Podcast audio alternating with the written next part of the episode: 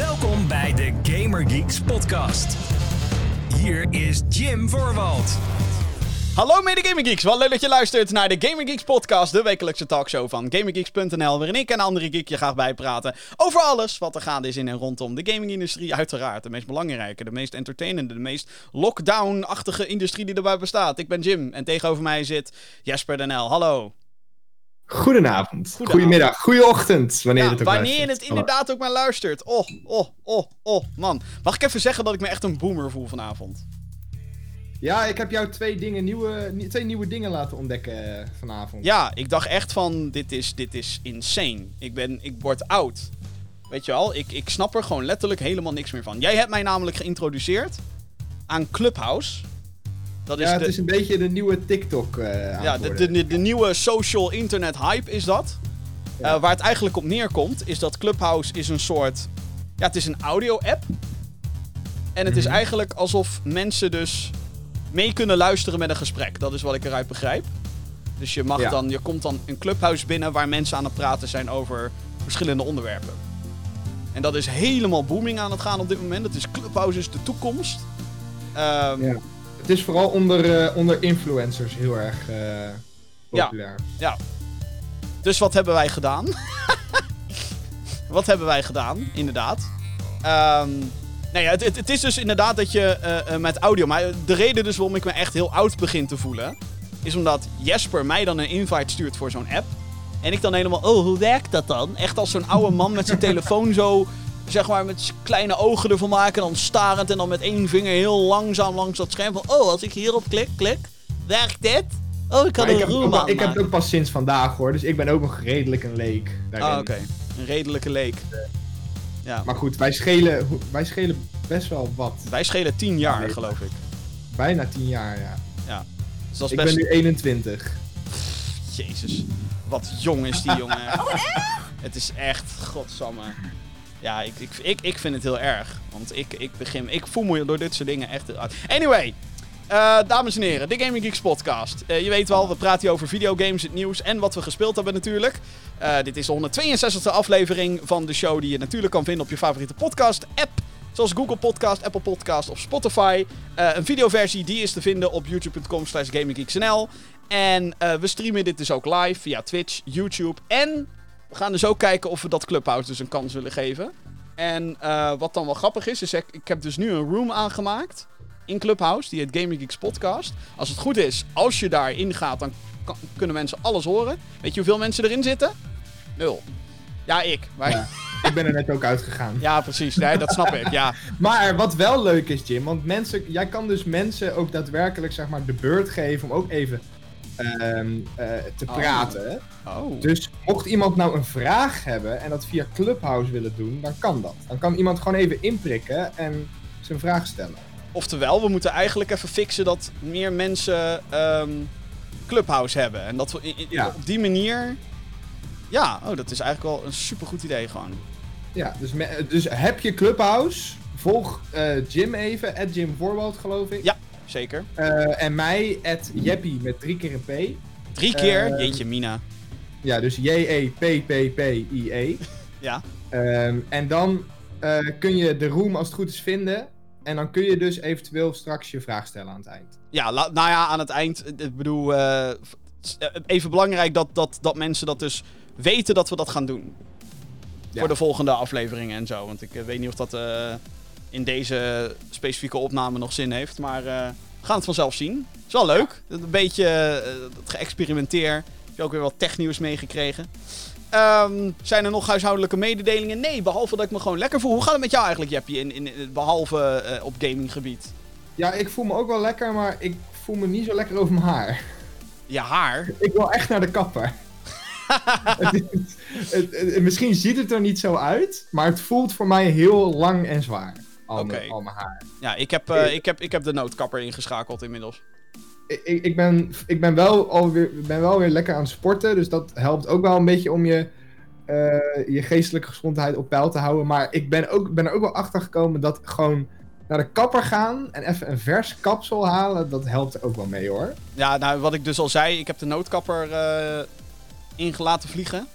Ja, ik ook, mijn moeder. Ja, precies. Moedertje lief, die heeft er wat afgeknipt. Ehm, nou ja, ik wil niet gemeen doen over een gratis dienst, om het maar dan eh, zo... eh, klinkt ook meteen heel smerig, maar...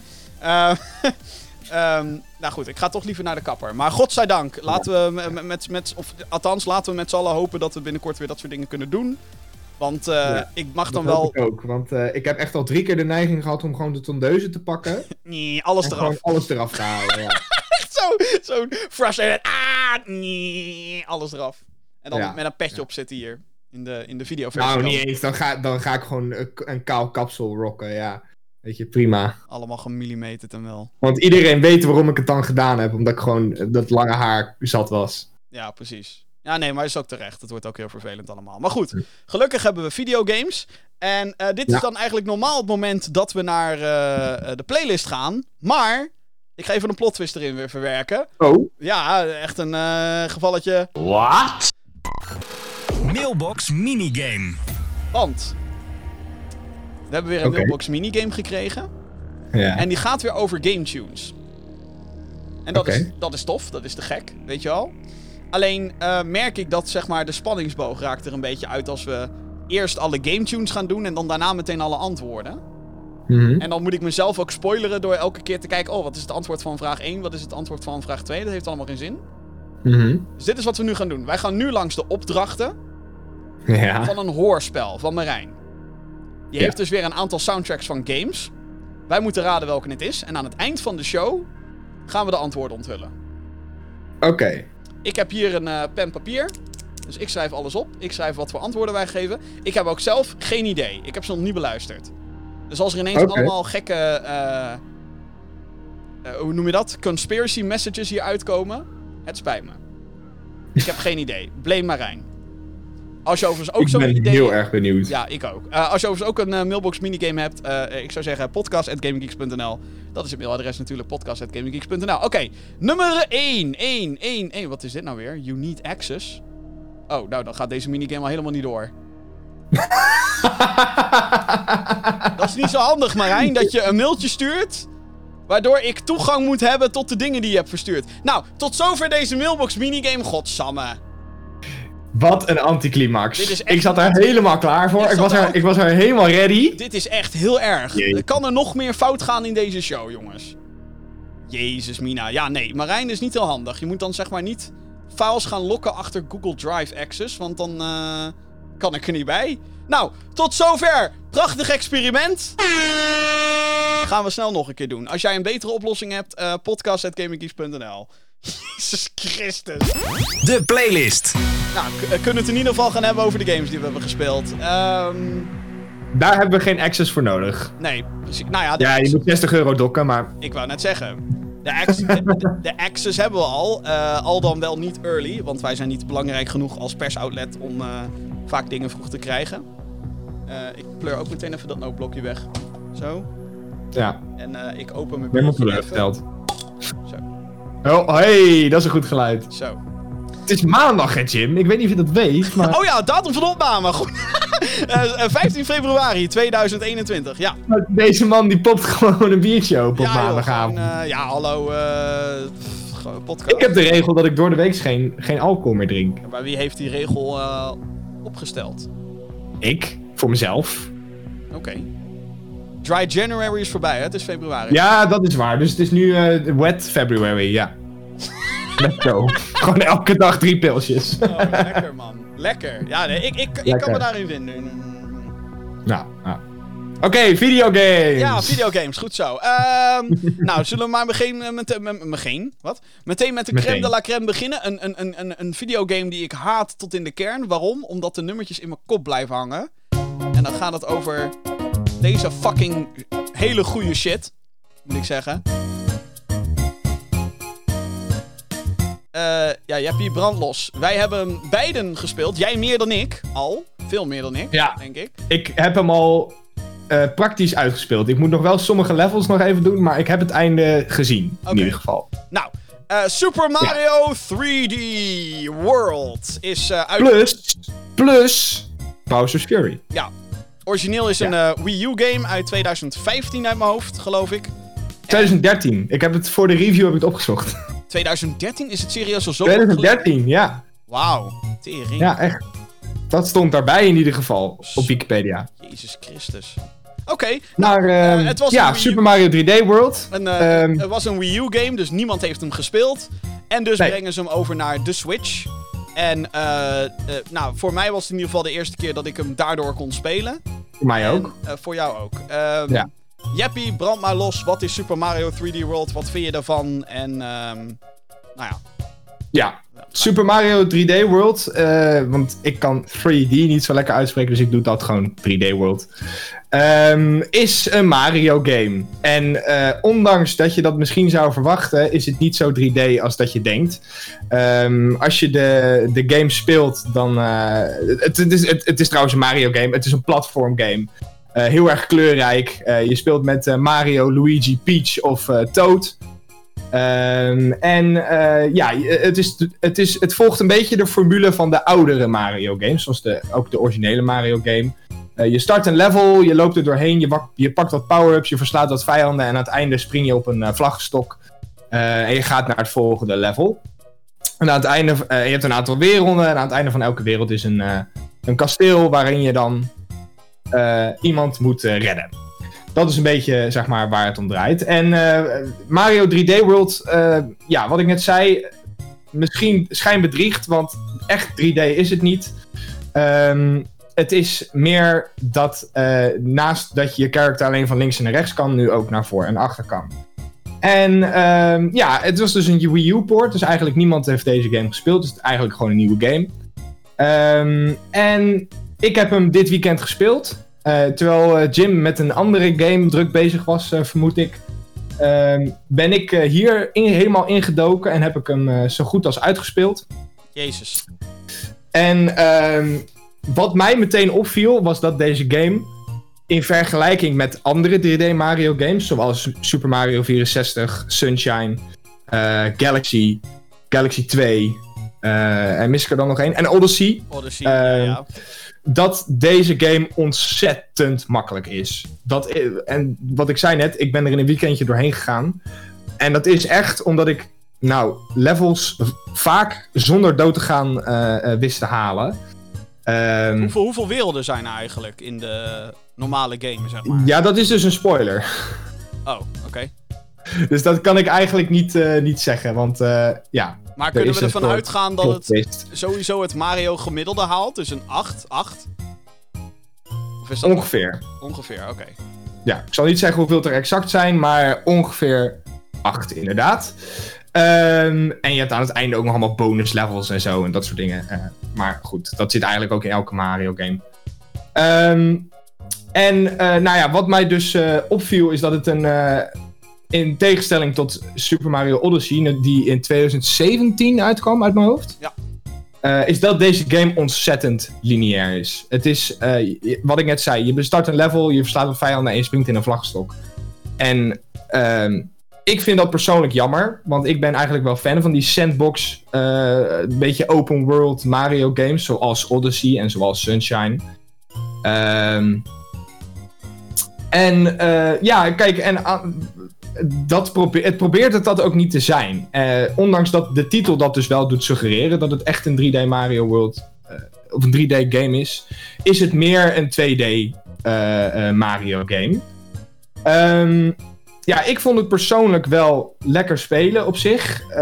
Ik had wel heel veel problemen met het cameraperspectief. Eh, want wat ik net zei, ik ben vaak fan van de open world Mario games. En ehm, wat daar het voordeel bij is, is dat je de camera 360 graden kan draaien om je personage. En je daardoor eh, eigenlijk Mario goed de kant op kan sturen die je eh, wil dat hij opgaat. Eh, maar doordat je dus nu eigenlijk gefixeerd op één cameraperspectief zit. En dat is overigens een probleem wat in meerdere Mario games ehm, voorkomt. Ehm, we hadden ook een review gemaakt over de Super Mario 3D World. Of, eh, eh, sorry. Super Mario 3D All-Stars collectie.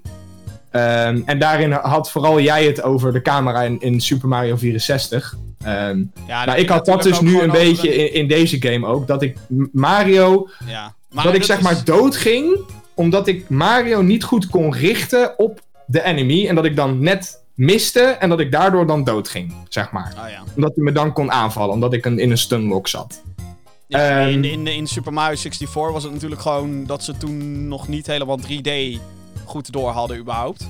Ja, ja. Eh, het is elke keer zeg maar een andere kwestie dat, dat de camera gewoon niet lekker werkt. En in deze game is het, ja, door het cameraperspectief en, ehm, ja, en gewoon de manier waarop het speelt. Eh, en wat het grappige is daarin, is dat Bowser's Fury, de, ja, het is niet echt een uitbreiding. Het is meer een soort standalone expansion. Want het pakt eigenlijk... eh, wat? Het is niet echt een uitbreiding, het is meer een standalone expansion. Ja, hoe moet ik het... eh, zeg maar, het is meer een soort kleine... op zichzelf staande game... die wel de mechanics uit eh, 3D World pakt. Zeg maar, als ik, als ik het zo een beetje goed omschrijf. Want dat, Bowser's Fury, is echt een open wereld... waarin jij ehm, verschillende eilandjes af kan gaan... Ehm, en waar je in jouw volgorde, zoals in Super Mario 64, zoals in Super Mario Sunshine, eh, eh, cat shines kan gaan verdienen. Ehm, dat zijn dan hè, de sterren normaal gesproken, maar nu zijn het dan cat shines. Ehm, ja, en dat vond ik eigenlijk het beste stuk van 3D eh, World plus Bowser's Fury. Dat, dat, Bowser's Fury is wat voor mij deze game wel meer waarde geeft. Want als ik 60 euro voor alleen 3D World had neergelegd, dan had ik niet eh, tevreden geweest, denk ik. Oké. Ja, ik... Het is grappig dat je zo kritisch bent, joh. Want, eh, Ja, ik, ik. Kijk, ik baal er gewoon een beetje van dat ik gefrustreerd raak. doordat ik gewoon. Doordat dat ik het gevoel heb dat de game mij tegenwerkt. Zeg maar. Doordat ik gewoon Mario niet goed kan richten. En als jij een andere mening hebt, dan, dan hoor ik die ook natuurlijk graag. Maar ja, ik had een beetje het gevoel dat deze eh, camera los had moeten zijn. En als dat zo had geweest, dan had ik, had ik het waarschijnlijk veel leuker gevonden. Ja, ik, ehm, ik ben het daar niet helemaal mee eens. Kijk, de, ehm, jij ziet het als... Oh, hé, hey, ze noemen het 3D World. En dus is het, moet het zijn zoals de 3D Mario games. Eh, als je... Nou ja, dat is wat de titel doet suggereren, Nou, toch? nou wat, het, wat het historisch is, want dat weet ik dan weer, is Mhm. dat 3D World een, een uit of een vervolg is op 3D Land op de 3DS. Ja. En als je het van, vanuit dat perspectief gaat bekijken, grappig per- perspectief, nee, Mhm. dan, dan, dan is het ineens weer heel anders. Het, het, het probleem met deze game voor mij is, is inderdaad, ik ben, ik ben, ik, dit ten eerste, ik heb nog maar één wereld uitgespeeld. Dus voor mij is het zeg Ja. maar, eh, ik heb nog niet echt recht van spreken over hoe moeilijk of niet iets wel niet is. Want Ja. de eerste wereld in een Mario game is altijd makkelijk. Maar ook de laatste werelden zijn heel makkelijk. En dat komt eigenlijk door twee dingen.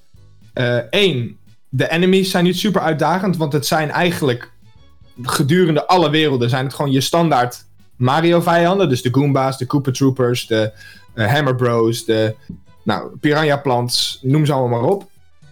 En die eh, eh, cat suit, die, wat dus een power-up is in deze game, waardoor Ja, je de de- kracht krijgt van een kat, waardoor je zowel op muren kan klimmen als eh, met je, eh, je poten kan slaan om vijanden te veranderen. Of eh, eh, aan te vallen, sorry. Vijanden aan te vallen. Die catsuit is fucking overpowered, maat. Ja, het is Want je inderdaad hoeft dat niet meer denk- te richten. Dat Ja. was voor mij het hele, de hele oplossing van die camera.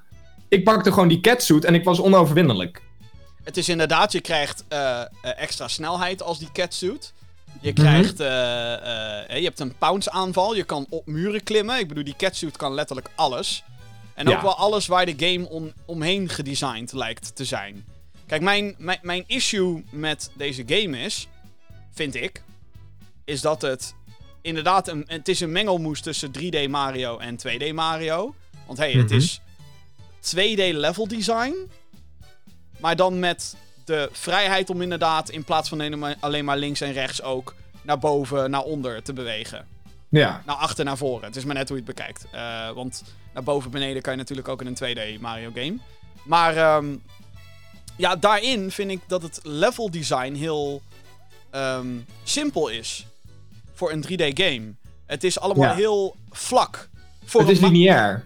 Ja, nou ja, maar ook gewoon het design is heel vlak. Ik zit nou ook naar beelden te kijken van iets waar ergens waar ik nog niet eens ben. En het is dan volgens mij een beetje gebaseerd op een Mario Kart eh, track, eh, zie ik, geloof ik. Ja, Maar dan klopt, ja. op een- ja. Op een Super Nintendo Mario Kart track. Super simplistisch is het allemaal. Het is allemaal. Ook de achtergrond is altijd of water, of wolken, of. Weet je wel, er gebeurt niet heel veel. Sterker nog, ik zou bijna willen beweren dat er in eh, Mario 64 meer gebeurt. In, in de werelden, de levels, zeg maar. En dat vind Ja. ik wel erg. Of ik, ik, vind het, ik vind het dat een beetje frappant. Dat ik denk, oké, de controls vind ik inderdaad ook wennen. Want dat hele, eh, je zou het bijna isometrisch willen noemen, deze game.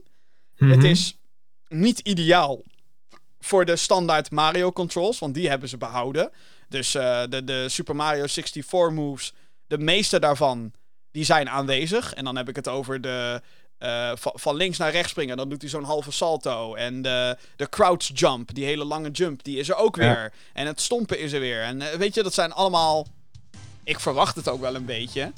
Maar ehm, ja, het, het, het mist dan net even dat ene extra. En inderdaad, een overpowered catsuit haalt het bij mij er dan net niet helemaal in.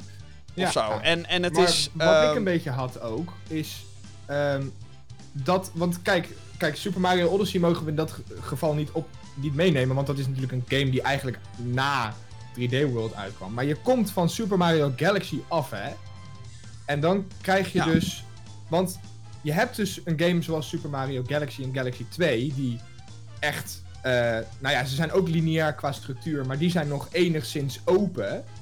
Ehm, en je hebt nieuw Super Mario Bros. U heb je. ja. ja, maar dat zeg ik. Dus Waarom? de Maar Odyssey. Wat is dan het bestaansrecht van deze game, zeg maar? Nou ja, dat is wat dus. wil het nou zijn? Nou ja, dat, dat is wat ik zeg. Het wil een mengelmoes zijn tussen 2D en 3D. Dus Ja. Letterlijk gewoon, hè, pak Odyssey en pak eh, eh, New Bros U en, en eh, een soort van vermeng dat in elkaar. Maar ook weer net niet, want wat ik al zei, level design is super simplistisch. Qua vormgeving en zo. En eh, ik moet wel zeggen dat ik de muziek echt te gek vind. En dat de Ja. charme er wel weer echt van afdruipt. Maar het Ja, maar inderdaad... dat, dat kennen we nou wel van Nintendo. Ja, Weet tuurlijk. je, alles, alles wat met Mario te maken heeft, heeft charme. Gewoon automatisch. Nou, uitzonderingen daar gelaten, maar... Ja, ja, klopt. Ja, en wat ik net zeg, je komt van Galaxy 2, kom je af. En dan is dit eigenlijk zo'n stap terug in mijn optiek. Want ik vind Galaxy en Galaxy 2 eh, misschien wel. Staan sowieso in mijn top 3 beste Mario games ooit. Odyssey staat daar nog bij, in die top 3. Ehm, maar ik heb zoiets van. Ja, ik, vond het, ik vind het gewoon. Het is een leuke game. Laten we dat even vooropstellen. Het is leuk om doorheen te spelen. Maar ik had echt zoiets van. Ja, als ik het ook één keer gespeeld heb, dan zie ik niet meer de waarde om het ooit nog een keer op te starten of zo. Nee, nou ja, ik, ik, ik, ik moet er nog doorheen natuurlijk. Dus ik kan Mhm. daar nog niet helemaal over, over oordelen. Ehm, ik weet alleen wel dat ik zoiets van... Oh ja, dit, dit is leuk. Gewoon dit is leuk. Maar... Ja, het is voor, wat ik net zeg, het is voor een weekendje is het leuk, maar dan daarna leg je het neer en je kijkt er eigenlijk nooit meer naar om. ja, nou ja, ik, ik, ben, heb ik nu een beetje. ik ben benieuwd. Want het is wel echt een van de... eh, en nogmaals, ik kan er niet, nog, nog niet over oordelen. Ik... ehm, ja, ik, ik ben Maar- wel echt benieuwd waar level design... Of dat mij dan nog kan uitdagen. Ik bedoel, ik heb nog maar hè, eh, een uurtje gespeeld. Ik heb één wereld gedaan. Nou, Ja. dat haal je wel binnen een uurtje. Ik wilde per se alles weer hebben in die levels. Oh, maar ik ook hoor. Ik Vaak. weet het, dus dat, dat was een Die beetje... sterren verzamelen, dat was wel echt een eh, drive eh, voor mij. Ja, want elk level heeft drie groene sterren. En dan eh, met, Ja. eh, met genoeg sterren kan je meer dingen unlocken en zo. Dus ik ben gewoon heel benieuwd waar, de- wa- wa- waar deze game nog meer mee gaat komen. Ehm, Nou ja, het komt wel, met, het komt wel echt met unieke concepten, maar het is allemaal niet uitdagend. Het is allemaal best wel makkelijk, zeg maar. Maar was Odyssey in die zin dan eigenlijk ook niet makkelijk? Want. eh, e- even Devil's Advocate hier dan, hè? Want Odyssey was echt Mhm. gewoon. Oh, je gaat dood. Je bent nu 10 muntjes kwijt. Dat is het. Ja. zeg maar. Dat was gewoon... Die- eh, Odyssey was puur en alleen... eh, dat was niet eens... Tuurlijk, de boss... Je had dan boss fights, maar whatever. Ehm, Maar eigenlijk was voor de rest zat de- uitdaging zat hem Mhm. in de, het, het verkennen van, van de werelden en welke sterren kan jij pakken. Ja. Het is niet zo dat Nou je ja, die game Kijk, niet kan uitspelen als, je- als je niet goed bent in Mario-platformers. Want Als we het over nee, makkelijk gaan niet zo. hebben. Maar ik vind wel dat door de toevoeging van Cappy in Mario Odyssey... ja, ehm, geef je wel weer een soort extra laag eraan. En ik vind niet dat de catsuit, die dus hè, in 3D World een Mhm. beetje de exclusieve power-up is, dat die dat niveau haalt. Want door Cappy konden onder andere speedrunners en mensen die heel goed waren in de game, allemaal sikke moves doen door op hem te springen en hem te gebruiken om extra airtime te krijgen. Maar, eh, en dat heb ik zelf ook. Ik heb nog steeds de controls van Cappy en Mario in, in Odyssey niet heel erg onder de knie. Ehm, ik heb hem toevallig dit weekend ook nog even opgestart, Odyssey, om, even om eventjes te vergelijken, zeg maar. Ehm, en ik vond gewoon dat, ja, ook qua, ehm, qua controls er niet heel veel uitdaging zat in, in 3D World. En wat ik zeg, de power-ups zijn gewoon een beetje te overpowered. Want ja, je kijkt in Mario eh, Odyssey kun je control, eh, kun je je, je petje gooien op vijanden en kun je ze overnemen. Maar verder zijn er geen power-ups in die game. Fireflowers en zo, die zijn er niet. nee, wat ik ook wel weer een beetje, nu achteraf gezien, een beetje gemis vind in Odyssey. Maar dat ben ik dan weer.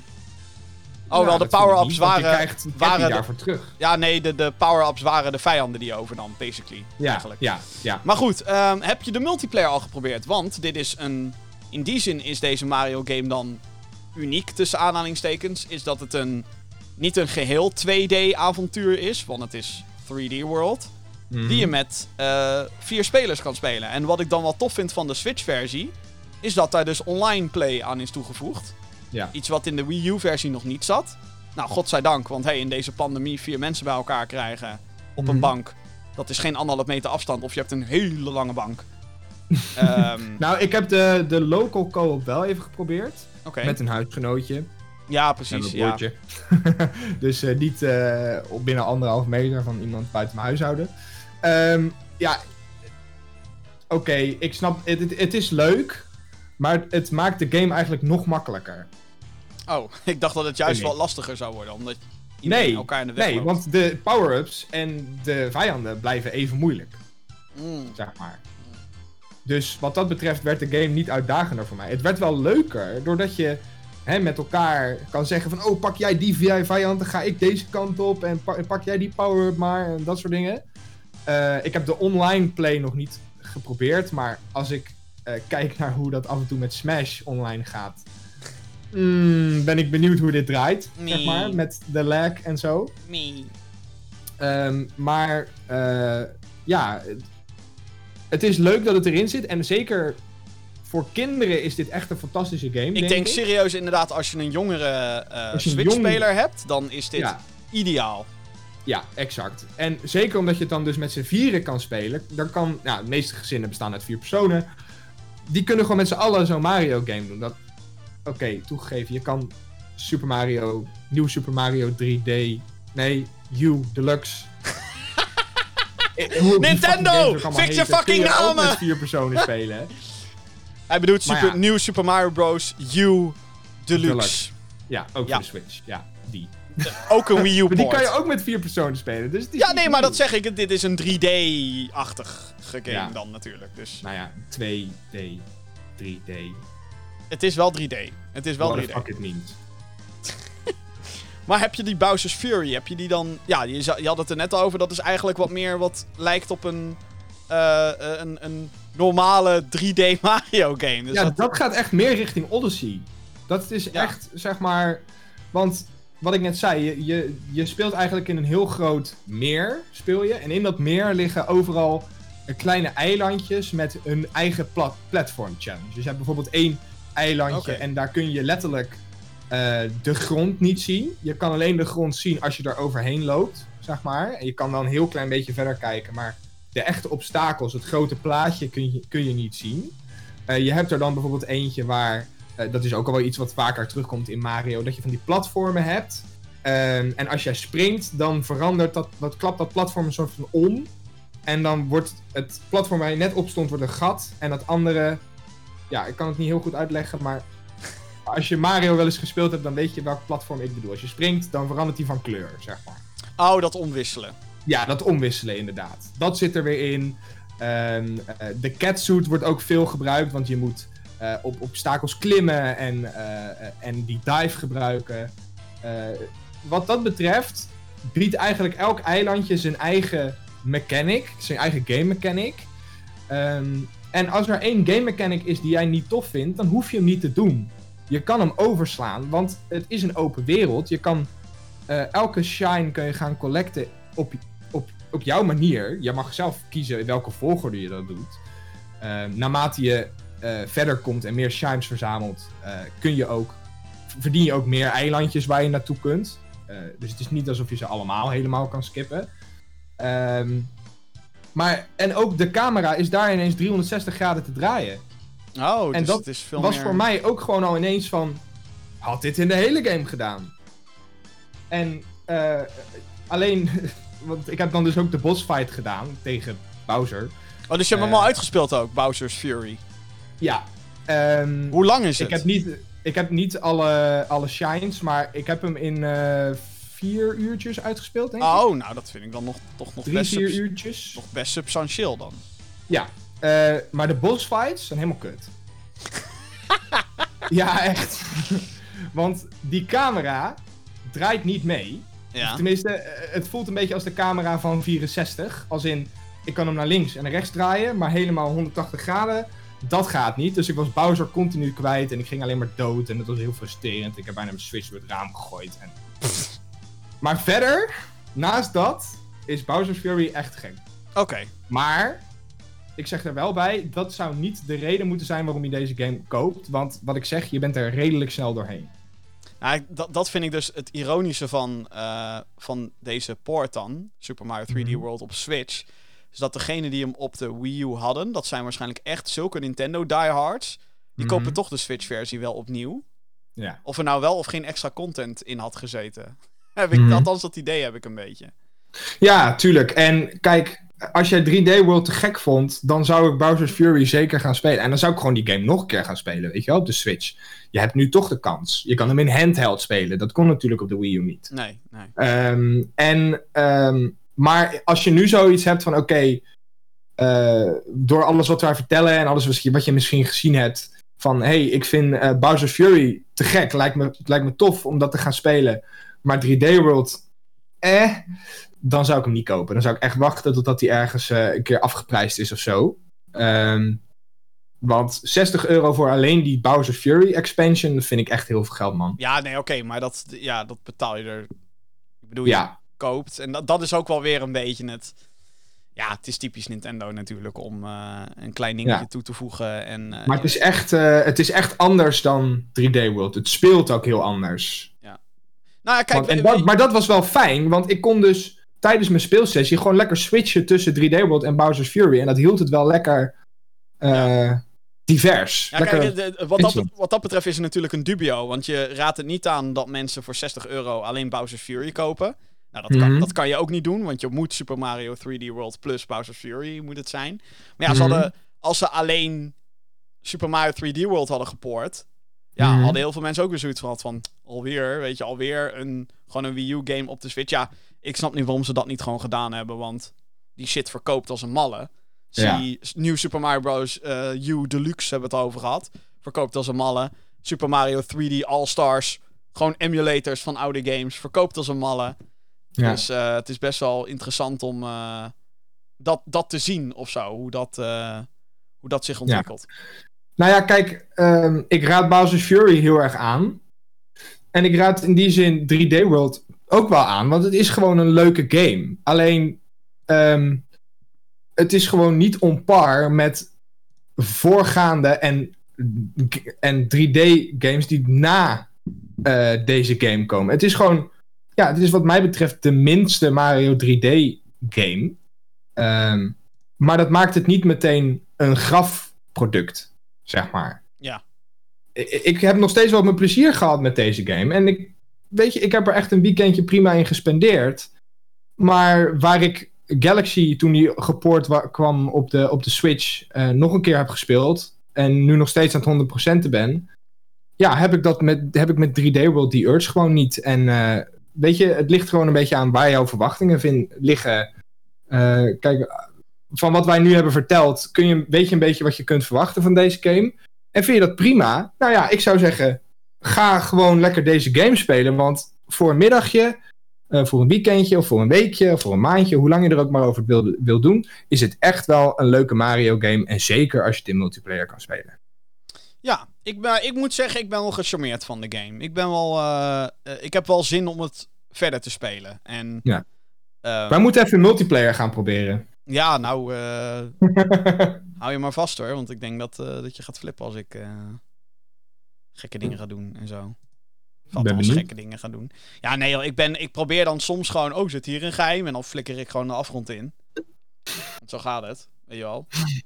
Ja, dat, dat, dat zijn dan de dingen die ik doe. Maar dat komt soms ook gewoon door die camera. Dat ik gewoon. Huh? Ja. Dingen aan het doen, joh. Geen idee. Ja. Maar goed, Goed. als je dan de catsuit hebt, dan kun je jezelf alweer terug. Dat is waar, ja. Dan kan je gewoon, dan kan je gewoon terug, eh, terugklimmen en zo. Oké, nou, ehm, gaan we even door naar de volgende game. Want ja, ja, er zijn meerdere games die ik althans gespeeld heb.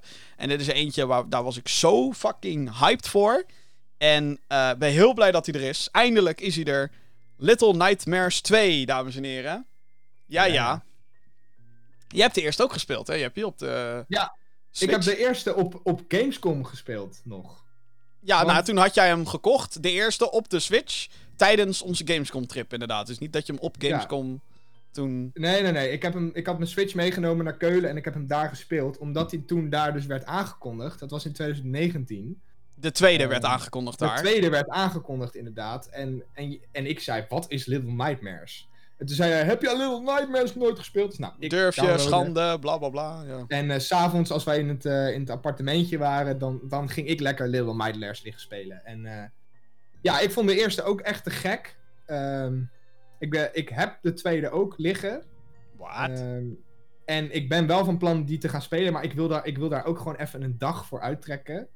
En gewoon even een dag mezelf in die wereld even onderdompelen. Want het is zo'n.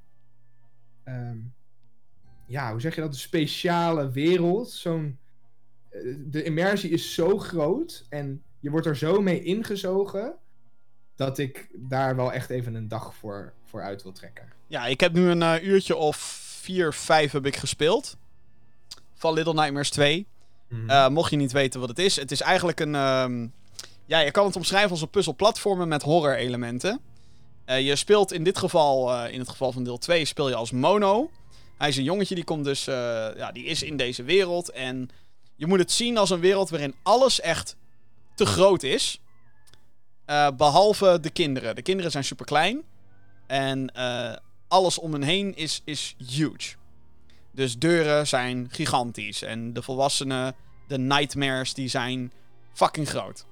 Ja. En wat er dus elke keer gebeurt, is dat een personage in een, in een bepaalde locatie terechtkomt. En in die locatie is dus vaak zo'n nightmare. En die nightmare ehm, eh, is vaak rondom een bepaald thema. Dus de eerste twee nightmares in, eh, in Little Nightmares 2. Eh, de eerste is een jager. En die ja, achtervolgt jou dus met zo'n jaag-shotgun. En dan moet je dus cover gaan zoeken achter, achter houten kistjes wanneer die eh, ehm, op jou en Six beginnen te schieten. Want je bent niet alleen. Six die vergezelt je in, deze, in deze trip. Ehm, soms word je, word je natuurlijk van elkaar afgescheiden en zo. eh, puzzeltjes, dat soort dingen. Mhm. Ehm, en de tweede Nightmare is bijvoorbeeld een lerares met allemaal fucking creepy ass kinderen. Ja, het is, het is heel lastig om te omschrijven met woorden hoe, de, hoe het design is van deze game. Want het is super uniek. Het is echt als een. Ja, als iets wat iemand alleen maar in zijn dromen zou kunnen eh, bedenken. Dus hoe fucked up creepy een school eruit kan zien. Zo Mhm. ziet deze school eruit in Little Nightmares 2. Het ziet eruit als een nachtmerrie. Ja. Ja, het is echt een soort, ja, surrealistische, een droomwereld zou je het kunnen noemen. Ja, Ehm, horrorwereld. Een horrorwereld. En wat zo te gek is aan, aan deze game, eh, zowel de eerste als ook deel 2 kan ik eh, bevestigen, is dat dit een horror game is die eindelijk niet enkel zich laat. ehm, die niet enkel zijn scares haalt uit jumpscares. Nou, Iets wat- er niet op. Nee, iets wat we natuurlijk de afgelopen paar jaar gewoon heel veel hebben gehad met talloze horror games. Eh godzijdank is Resident Evil natuurlijk ook eh, gewoon weer hè, de, met de 2 remake en, en 3 en 7 heeft ook wel wat jumpscares her en der. Ehm, maar ja, het, het leunt er niet op. En ja, hier ehm, is dat ook het geval. En het is gewoon heel erg tof hoe, hoe deze game zichzelf weer presenteert. En de, en de creativiteit met de omgevingen. En het is een grote upgrade ten opzichte van de eerste. Als het, zeker als het gaat om de omgevingen. Want dan denk je echt, what the fuck gebeurt hier allemaal? Het is creepy as fuck. En eh, wat, weet je al, gewoon echt, het, het, is, het is zo vet gedaan allemaal. En ehm, ja, het enige grote nadeel eigenlijk wat ik kan opnoemen op dit moment, dat zijn toch de controls. En de controls waren klungelig in de eerste.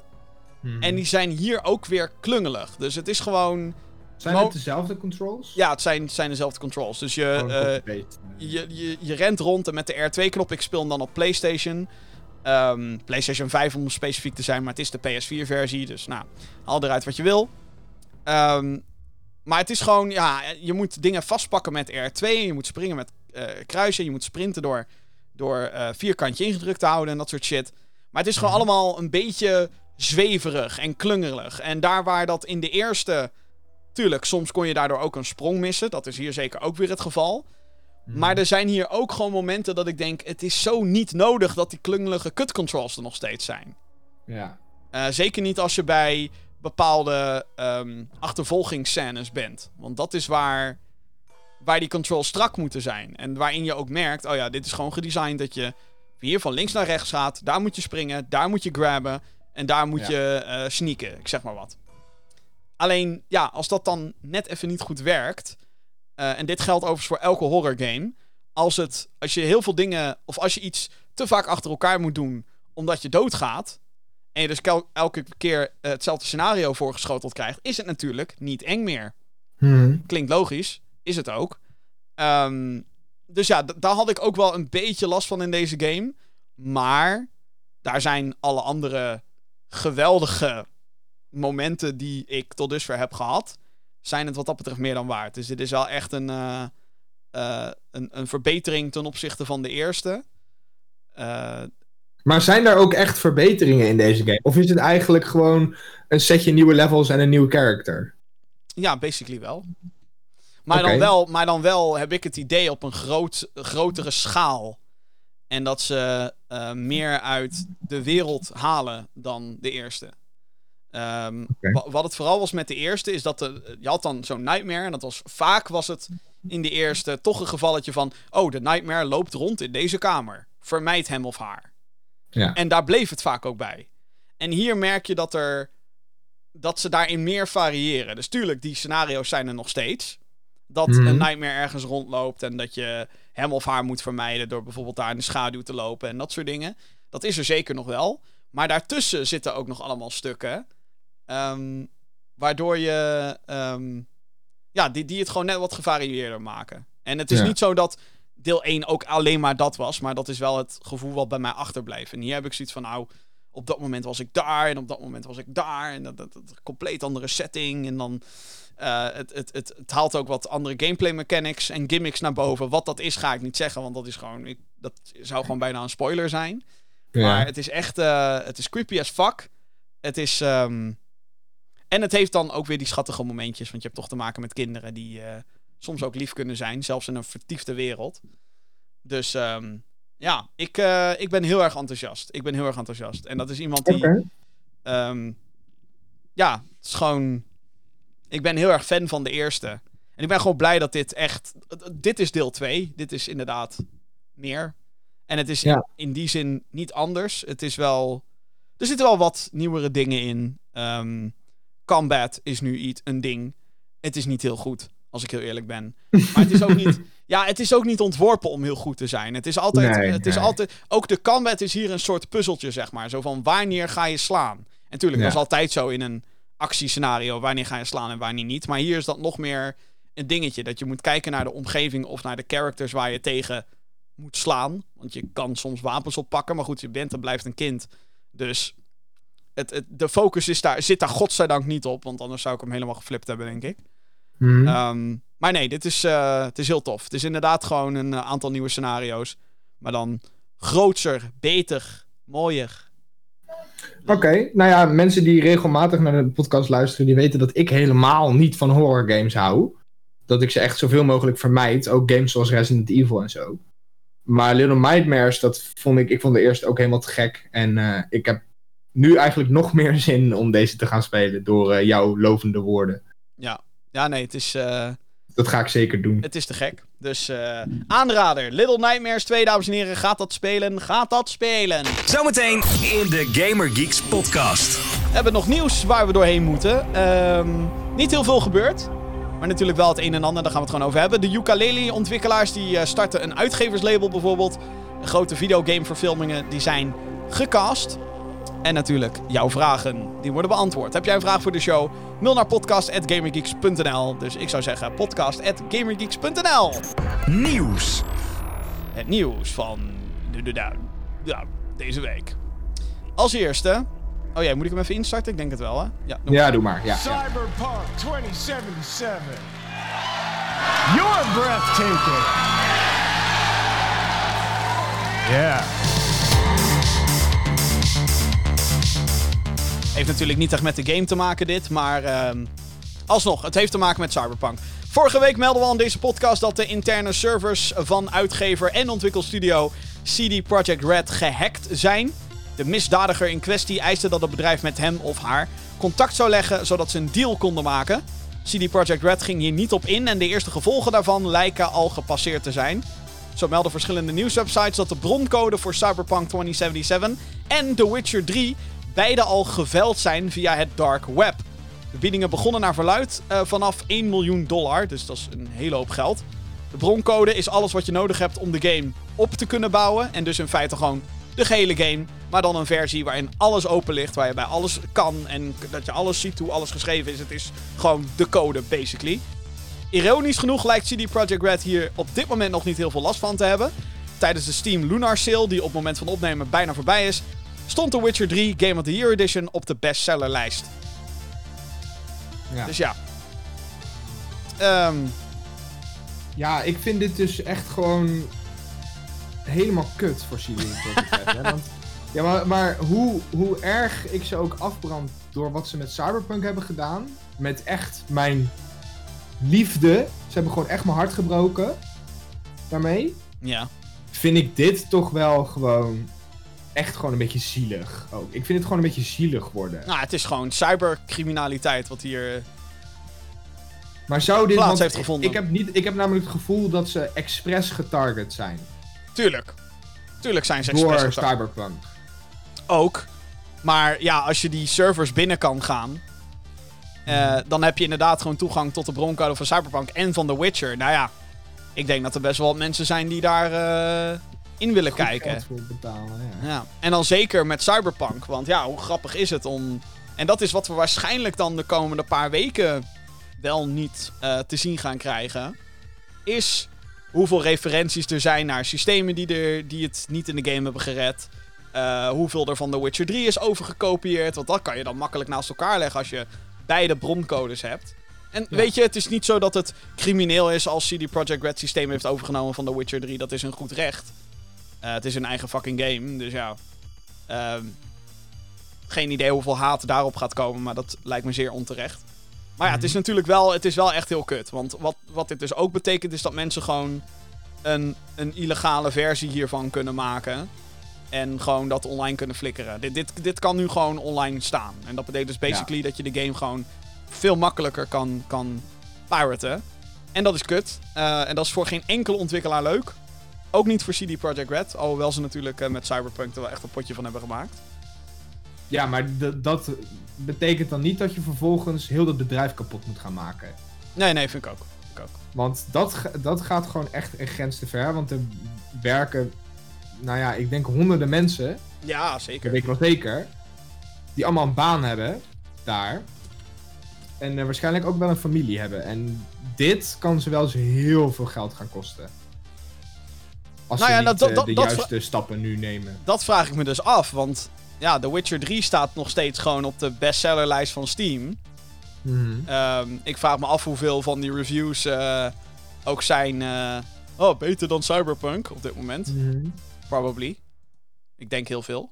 ik, ga eigenlijk, ik ga nu niet op Steam kijken, maar het lijkt me van wel dat dat de. de Zal ik eens kijken voor de grap? ja, gewoon even kijken. Maar ja, het is, het is, ja, het, het, het, het is treurig. Het is gewoon treurig. En ehm, Ik hoop dat het heel snel wordt opgelost. ja, dat hoop ik ook. Dat hoop ik ook. Het is, eh, het is niet leuk. Aan de andere kant kunnen modders dan wel weer de, shit fixen die eh, niet werken in de game. Ja. Dat is ook natuurlijk wat er. eh, nou ja, goed. Kijk, alles he- heeft zijn voordeel en zijn nadeel. Maar goed, dit is gewoon een kwestie van. Er is iets gejat. En dat is niet cool. Wat natuurlijk vooral voor het bedrijf niet cool is. Is dat ook de persoonsgegevens zijn gelekt. Of gelekt. Gejat. Van, ja, van de eh, werknemers. van iedereen die daar werkt. En dat is, Ja. dat is eigenlijk helemaal kut voor hen.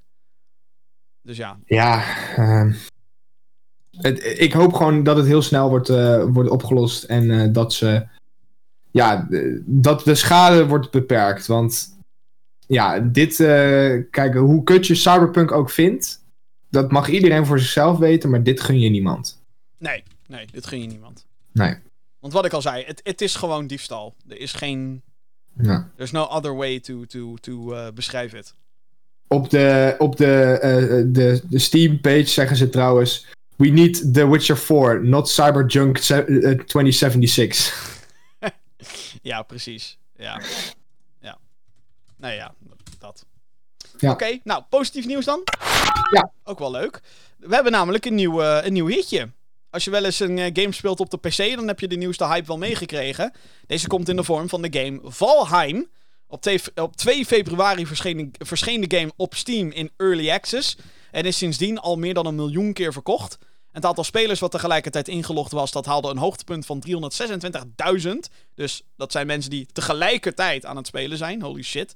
Valheim is een co-op survival game die vergelijkbaar is met Terraria, Rust en Ark. Maar dan met de Noorse mythologie als inspiratiebron en gameplay elementen. Het is de eerste game van Iron Gate Studios en wordt gepubliceerd door Coffee Stain, die al meer succesverhalen heeft, zoals Deep Rock Galactic, Satisfactory en Goat Simulator. Ik denk dat we Ja, ik kende dus echt niet, hè?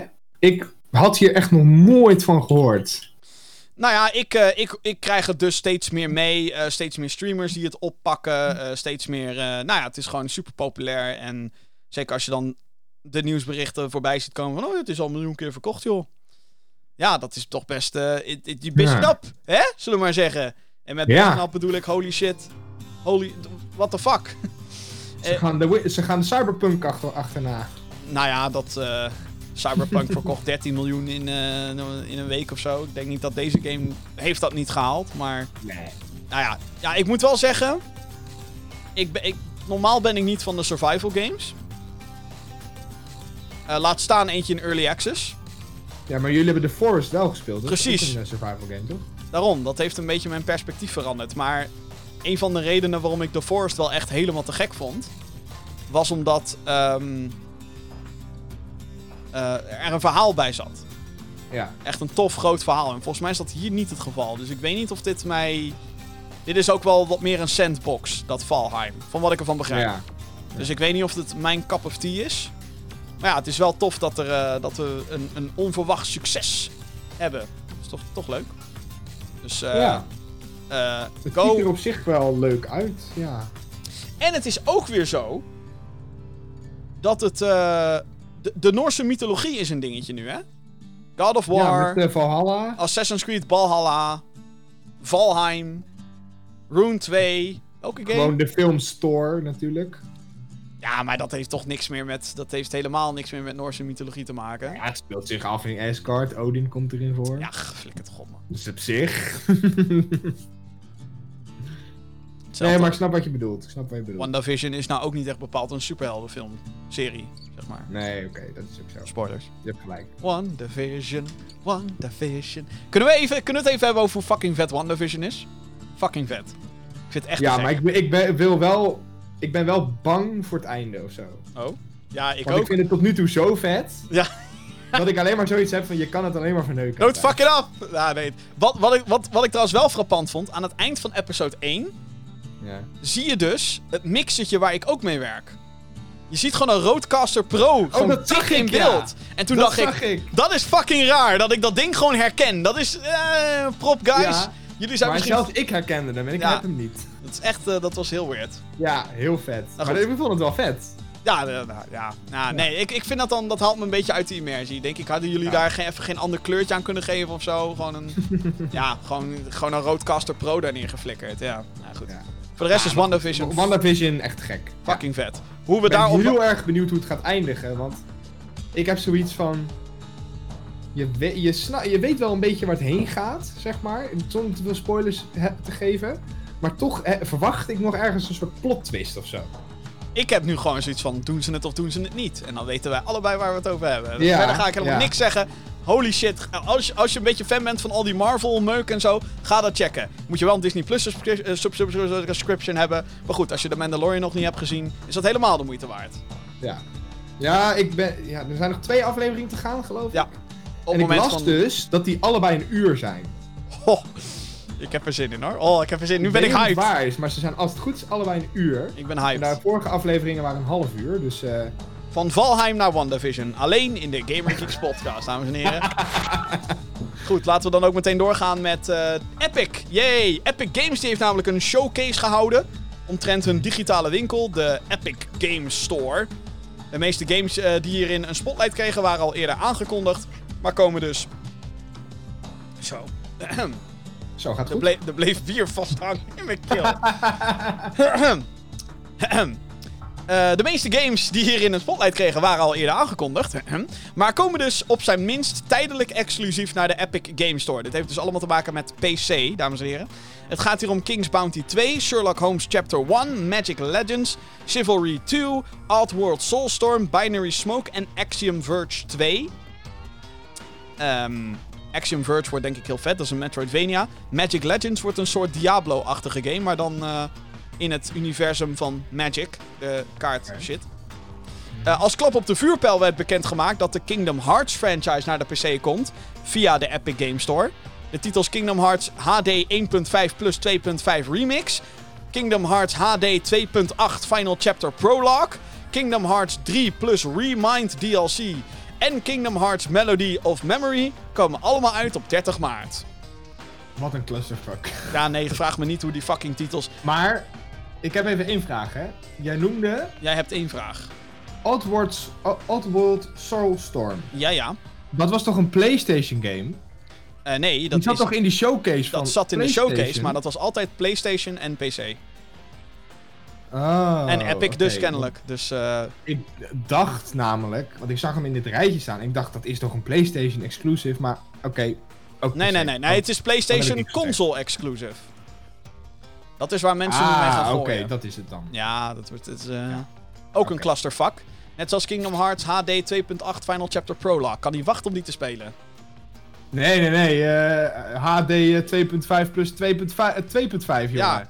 1 plus 5 Die plus, is vet. plus 2.5 is fucking... eh, Maar waar zijn 1 en 2 dan? Want die staan hier niet bij. Jawel, dat is HD 1.5 plus 2.5 remix. Nee, ik wil gewoon 1.0. Wil ik. Dat, is, Niet 1.5. dat zit in 1.5.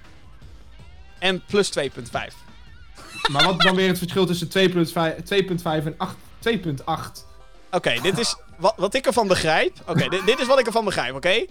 Ja. Je had King, eh, tussen Kingdom Hearts 1 en 2 en tussen 2 en 3 kwamen allerlei fucking spin-off games. Ja. En Kingdom Hearts HD 1.5 is dus een collectie van allemaal Kingdom Hearts games. En 2.5 is een collectie van allemaal Kingdom Hearts games. Leidende met, in, in het geval van 1.5 deel 1, joh.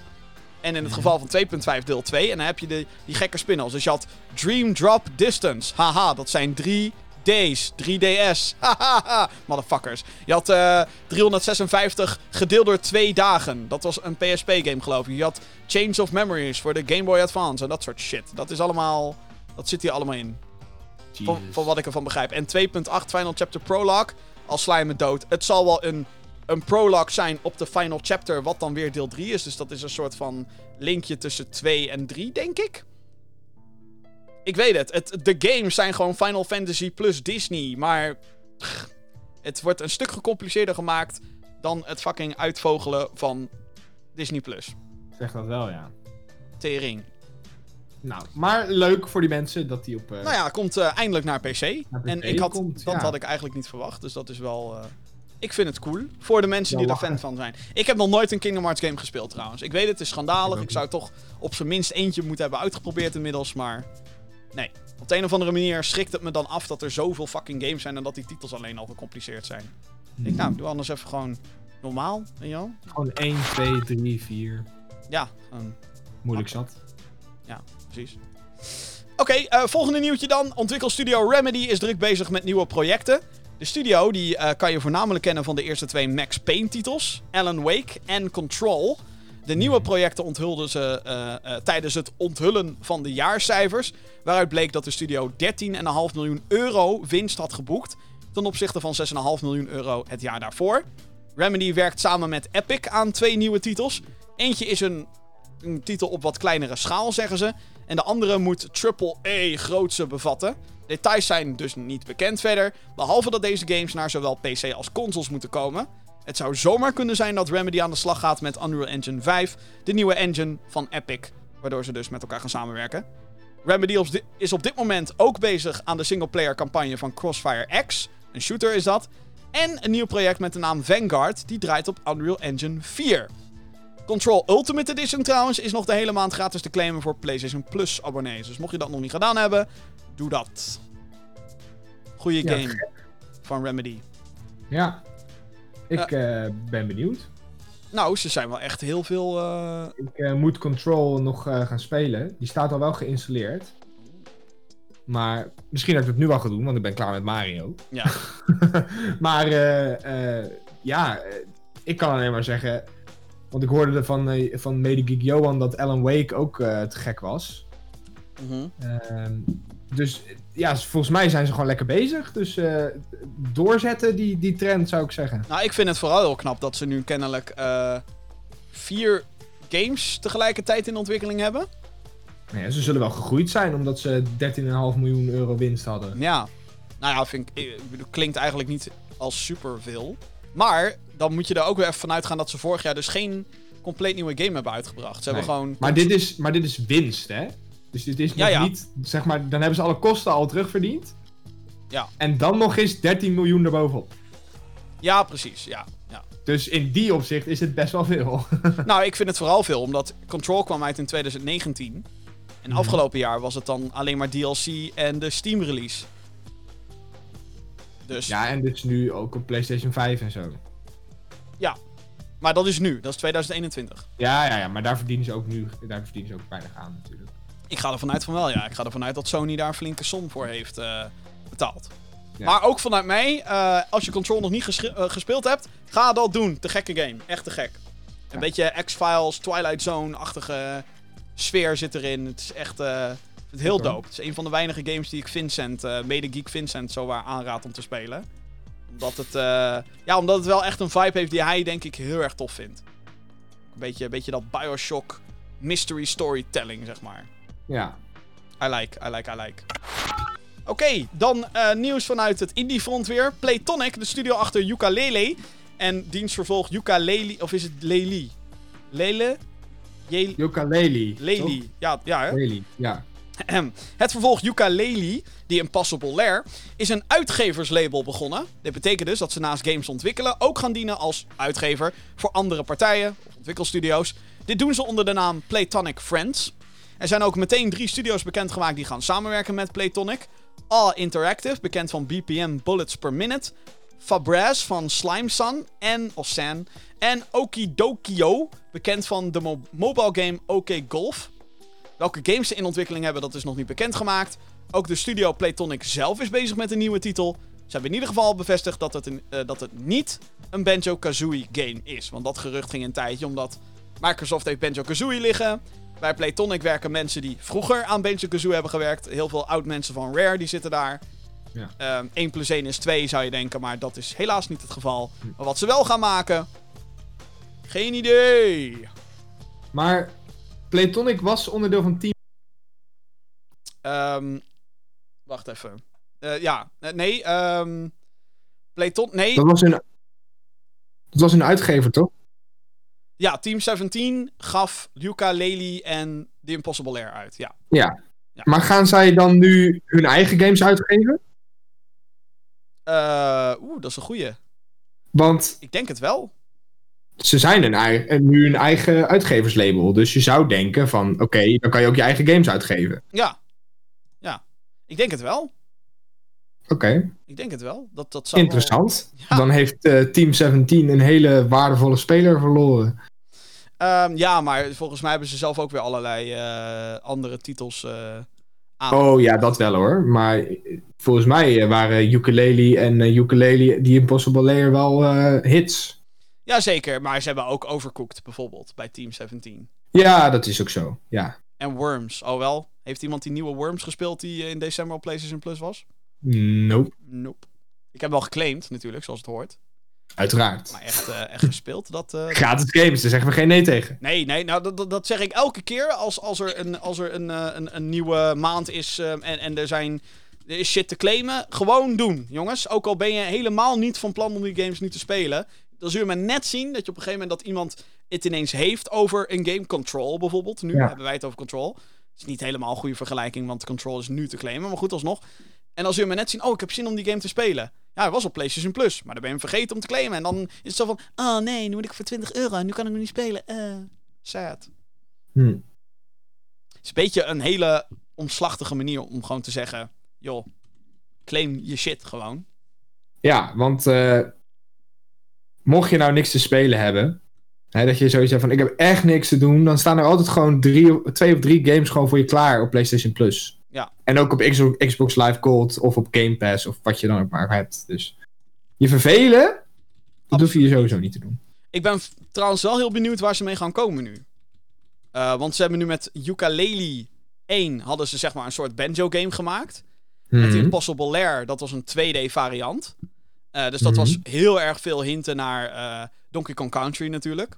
Ja. Ehm, dus ik ben heel benieuwd waar ze nu mee gaan komen. Gaan ze dan nu weer een beetje terug naar.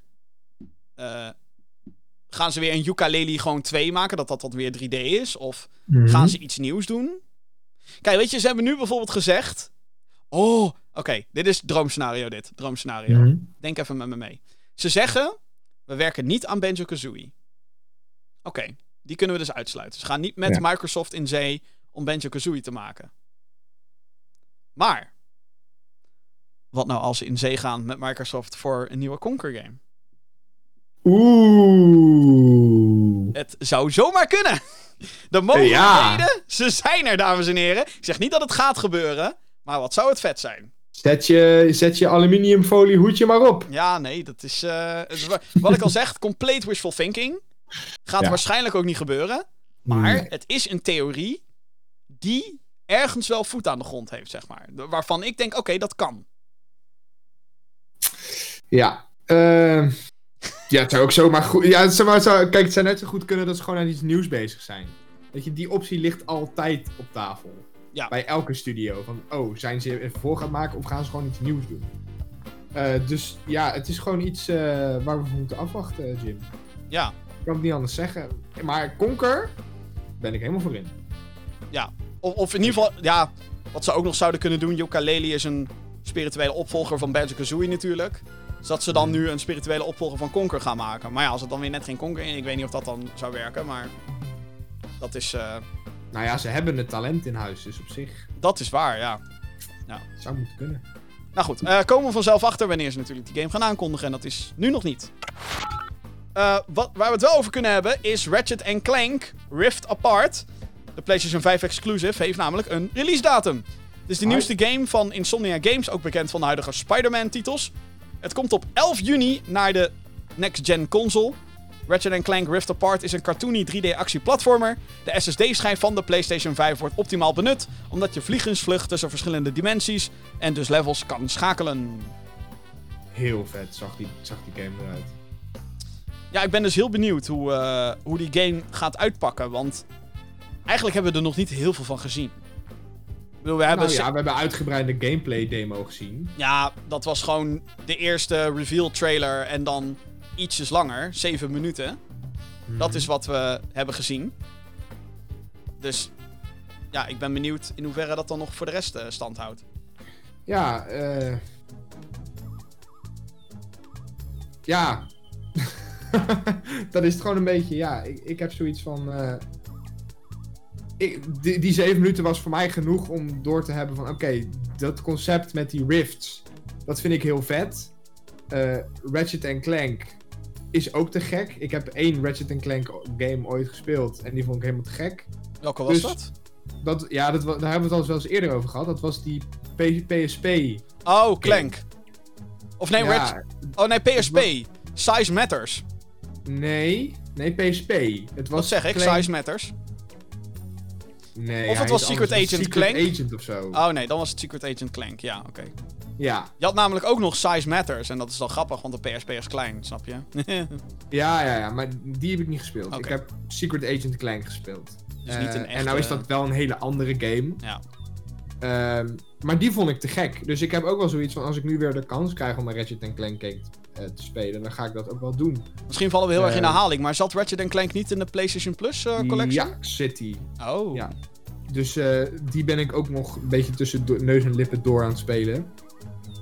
Oké. Eh, maar ik heb ook wel een beetje het gevoel alsof je die niet per se gespeeld hoeft te hebben om, om Rift Apart Nee, nee, dat denk ik ook niet. Ik denk sowieso Dus- niet dat je een, überhaupt een andere game moet hebben gespeeld om überhaupt Ratchet Clank te kunnen snappen. Nee, nee, dat denk ik ook niet. Dus eh, ik, ik, ik, ik, ja, ik ben excited voor deze game. Ik eh, ga hem wel halen, denk ik.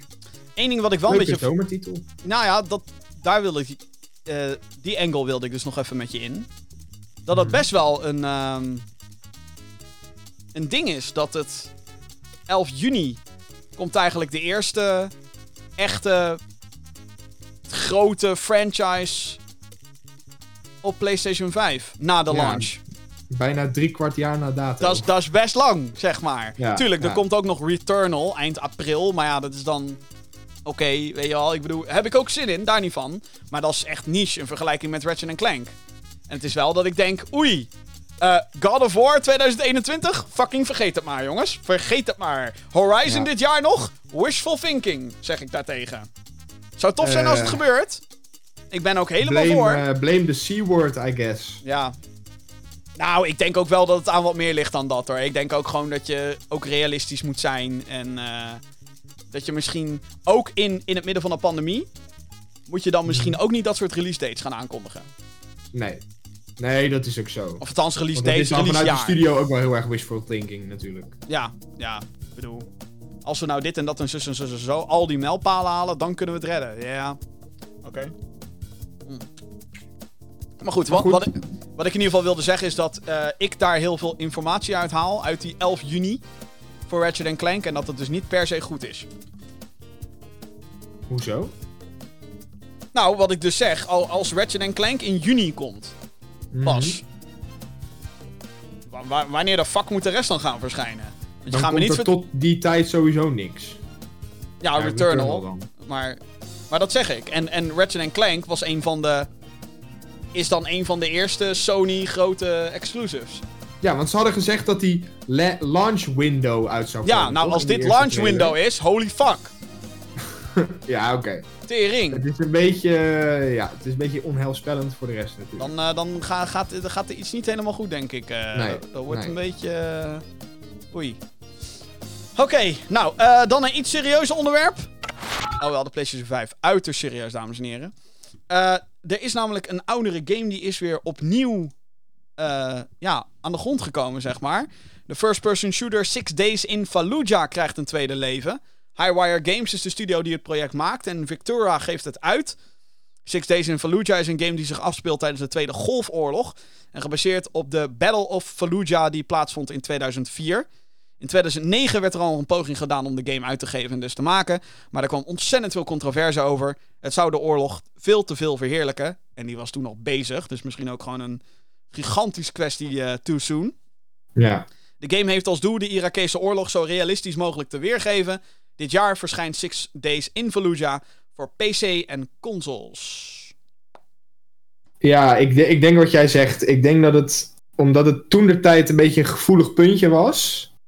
Dat ze toen zeiden van jongens, eh, zou ik niet doen. Ja. maar ja, kijk, wanneer verheerlijk je een oorlog? Want dan zou je ook kunnen zeggen dat Battlefield een oorlog verheerlijkt. Ja, het grote verschil is natuurlijk is dat Battlefield ehm, en Call of Duty, for that matter, dat zijn natuurlijk moderne, dat is allemaal moderne, Modern Warfare, ha, moderne oorlogsvoering, maar dan fictieve landen ook vaak. Vaak zijn de eh, eh, landen uit het Midden-Oosten zijn daar vaak gewoon compleet verzonnen namen. Mhm. Eh, volgens mij ook in Modern Warfare trouwens. Nou ja, we hadden in Battlefield een Rotterdam-map, dus ik weet niet. Ja, maar dat is dan de Tweede Wereldoorlog. Dan, dan, dat vind ik dan weer even een ander verhaal. Ik heb het nu over Modern Warfare, dus Ja, ja, huidige ja, oké. oorlogsvoering. En oké, Mhm. 2004 is inmiddels ook weer een paar jaar geleden. 16 meer. Ehm, maar ja, dat, dat is toch echt recent, zeg maar. En ik denk, Ja. dit zijn natuurlijk ook allemaal mensen die het, althans de Amerikaanse kant hebben meegemaakt. En dat is natuurlijk waar heel veel mensen bang voor zijn. Dat echt alleen maar de Amerikaanse soldaten verheerlijkt worden. En ehm, Ja, dat, daar zit politiek natuurlijk ook gewoon wel een... eh, een, een ja, dat Irak een beetje als de bad guy wordt afgeschilderd, zeg maar. eh. Nou, dat ook, ja, ongetwijfeld. Ik bedoel, dat, dat wordt het ook natuurlijk. En eh, nou was Saddam Hussein natuurlijk geen lievertje. Mhm. Eh, dus in die zin, eh, hè, en Al-Qaeda zijn ook niet echt, nou ja, we kunnen altijd... Nee, maar ja, kijk, de, en dat, ik weet verder vrij weinig van deze oorlog, maar je hebt in een oorlog altijd twee standpunten. Ja. Ehm, en dat zagen we bijvoorbeeld in de Tweede Wereldoorlog, dat die mensen, de, de Duitsers, niet altijd daar ook 100% achter stonden wat ze moesten doen. Nee, en het is ook niet zo dat de mensen aan eh, onze kant, om het maar even heel, heel eh, zwart-wit te, af te beelden, Mhm. dat, dat zijn niet ook altijd lievertjes natuurlijk. Nee, tuurlijk niet. En het, het is een heel groot grijs gebied, oorlog. Ja. Dus eh, ja, eh, kijk, ik heb zoiets van hoe. eh, bijvoorbeeld, je kan zeggen van Soldaat van Oranje wat je vindt, maar het geeft wel een heel goed beeld van hoe de oorlog was. Eh, en ik denk juist door videogames en eh, door te ervaren in, enig, in enigszins vorm hoe een oorlog is, dat het ook wel ehm, ja, zijn steentje kan bijdragen aan je ontwikkeling en aan hoe je zoiets tegen zoiets aankijkt. Ehm, en in die zin, ik weet niks van de Battle of Fallujah. Ik zou er best meer over willen weten. In die zin. Maar ja, is een game dan... eh, Is een game dan het juiste medium? ja, Dat Ja. weet ik dan niet, maar. eh, ja, ik, ik, ik zie er niet zo heel veel probleem in, persoonlijk. Ik, eh, ik zie daar ook niet echt een probleem in. Eh, behalve, ja, wat ik al zei, het is toch nog best wel, het is nog best vers of zo. Ja. Ik bedoel, het lijkt me ook niet echt heel smaakvol om eh, een game te gaan maken waarin je, waarin... Oh wel, ja, films zijn er al, weet ik hoeveel. Ik wil, ik wil eh, refereren naar de Twin Towers. Eh, Mhm. Daar zijn ook al weet ik hoeveel films over gemaakt. Dus in die zin is het Het natuurlijk... zou, ja, het zou wat zijn als je nu een soort. Als je nu een game zou maken. eh, eh, ehm, eh, intensive Care Simulator of zo. Zo, hallo. Zoiets. Ik zeg maar iets. Als je zo, als je zo, dat is nu too soon, weet je wel, als je zoiets doet.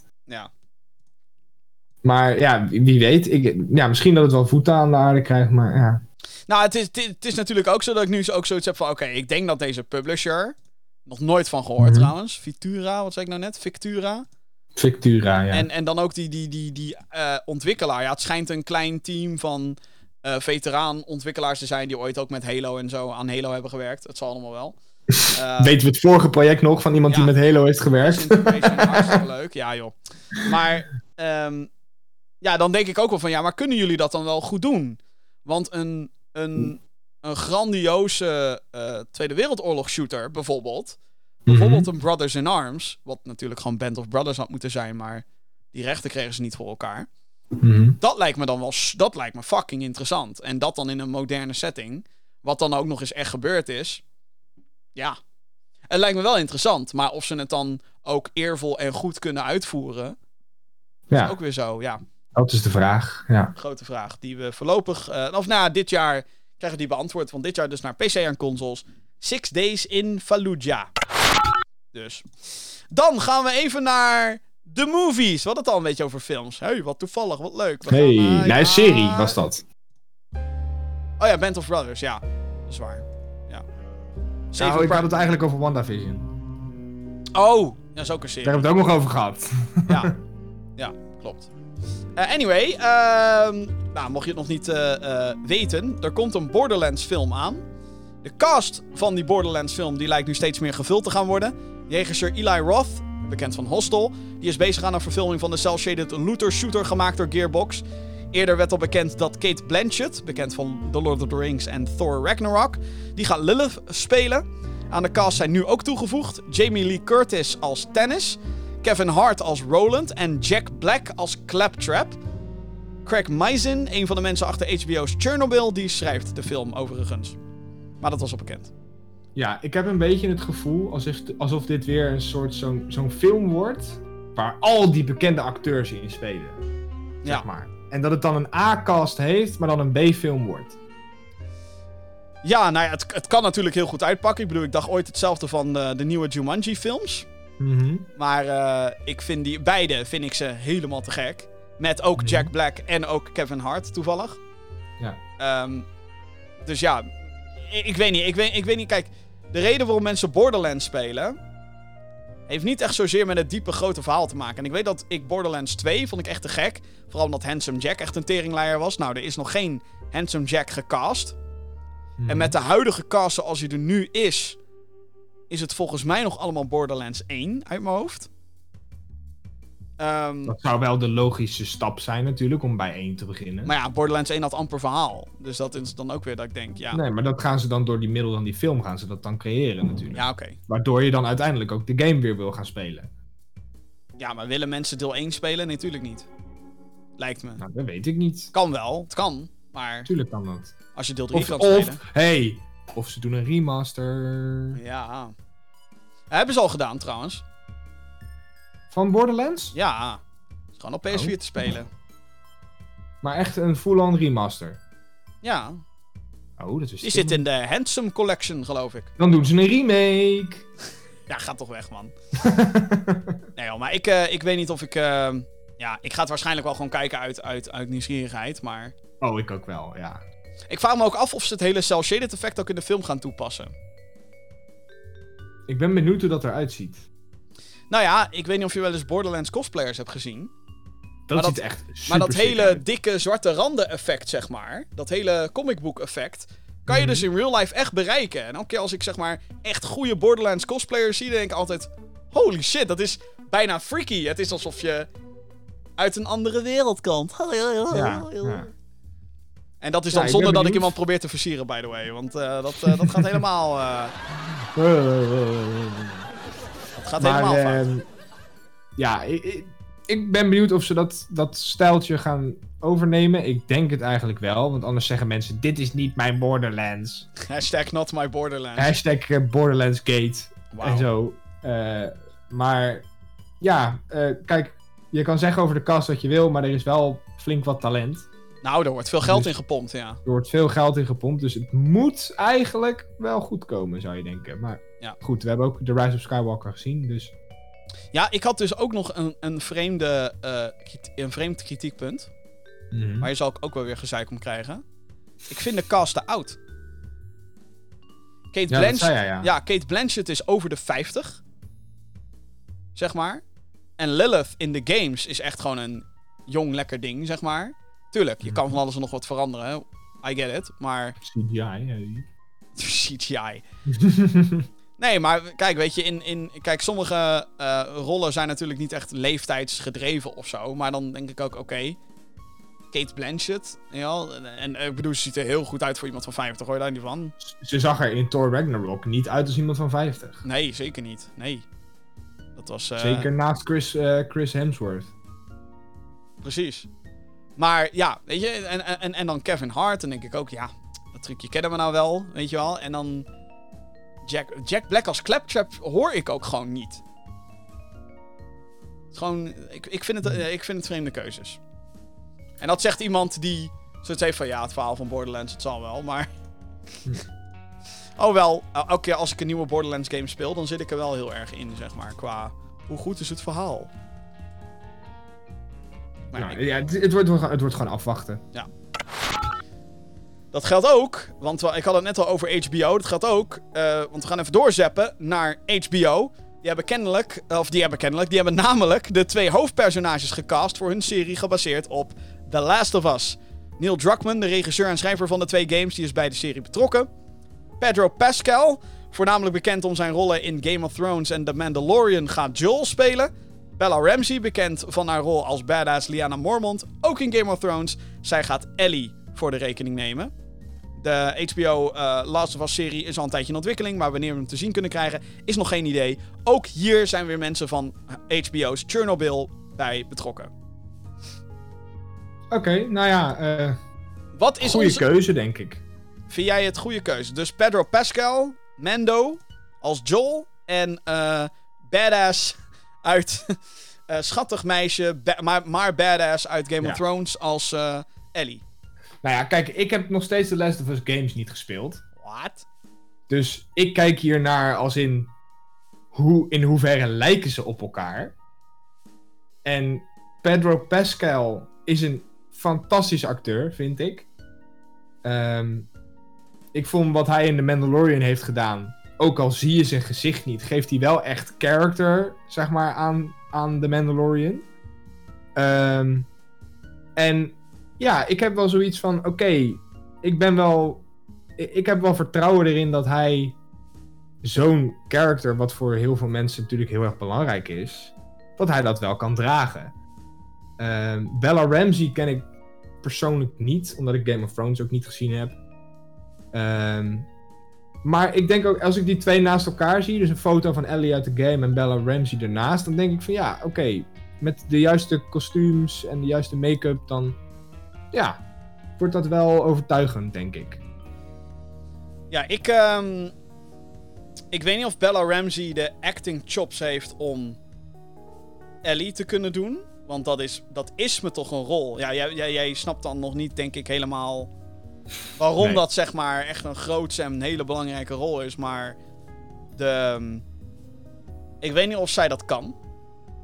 Ehm, en ik vind Pedro Pascal een veel te veilige keuze veel te... En ik snap het allemaal. Ik bedoel, die guy, als je inderdaad een baard erop plakt, dan... Ja, lijkt die, kan die best wel op Joel lijken. En ik denk niet eens dat de bedoeling is dat je één op één lijkt op eh, het game character. Nee, want anders hadden ze wel gewoon de acteurs uit de game gebruikt.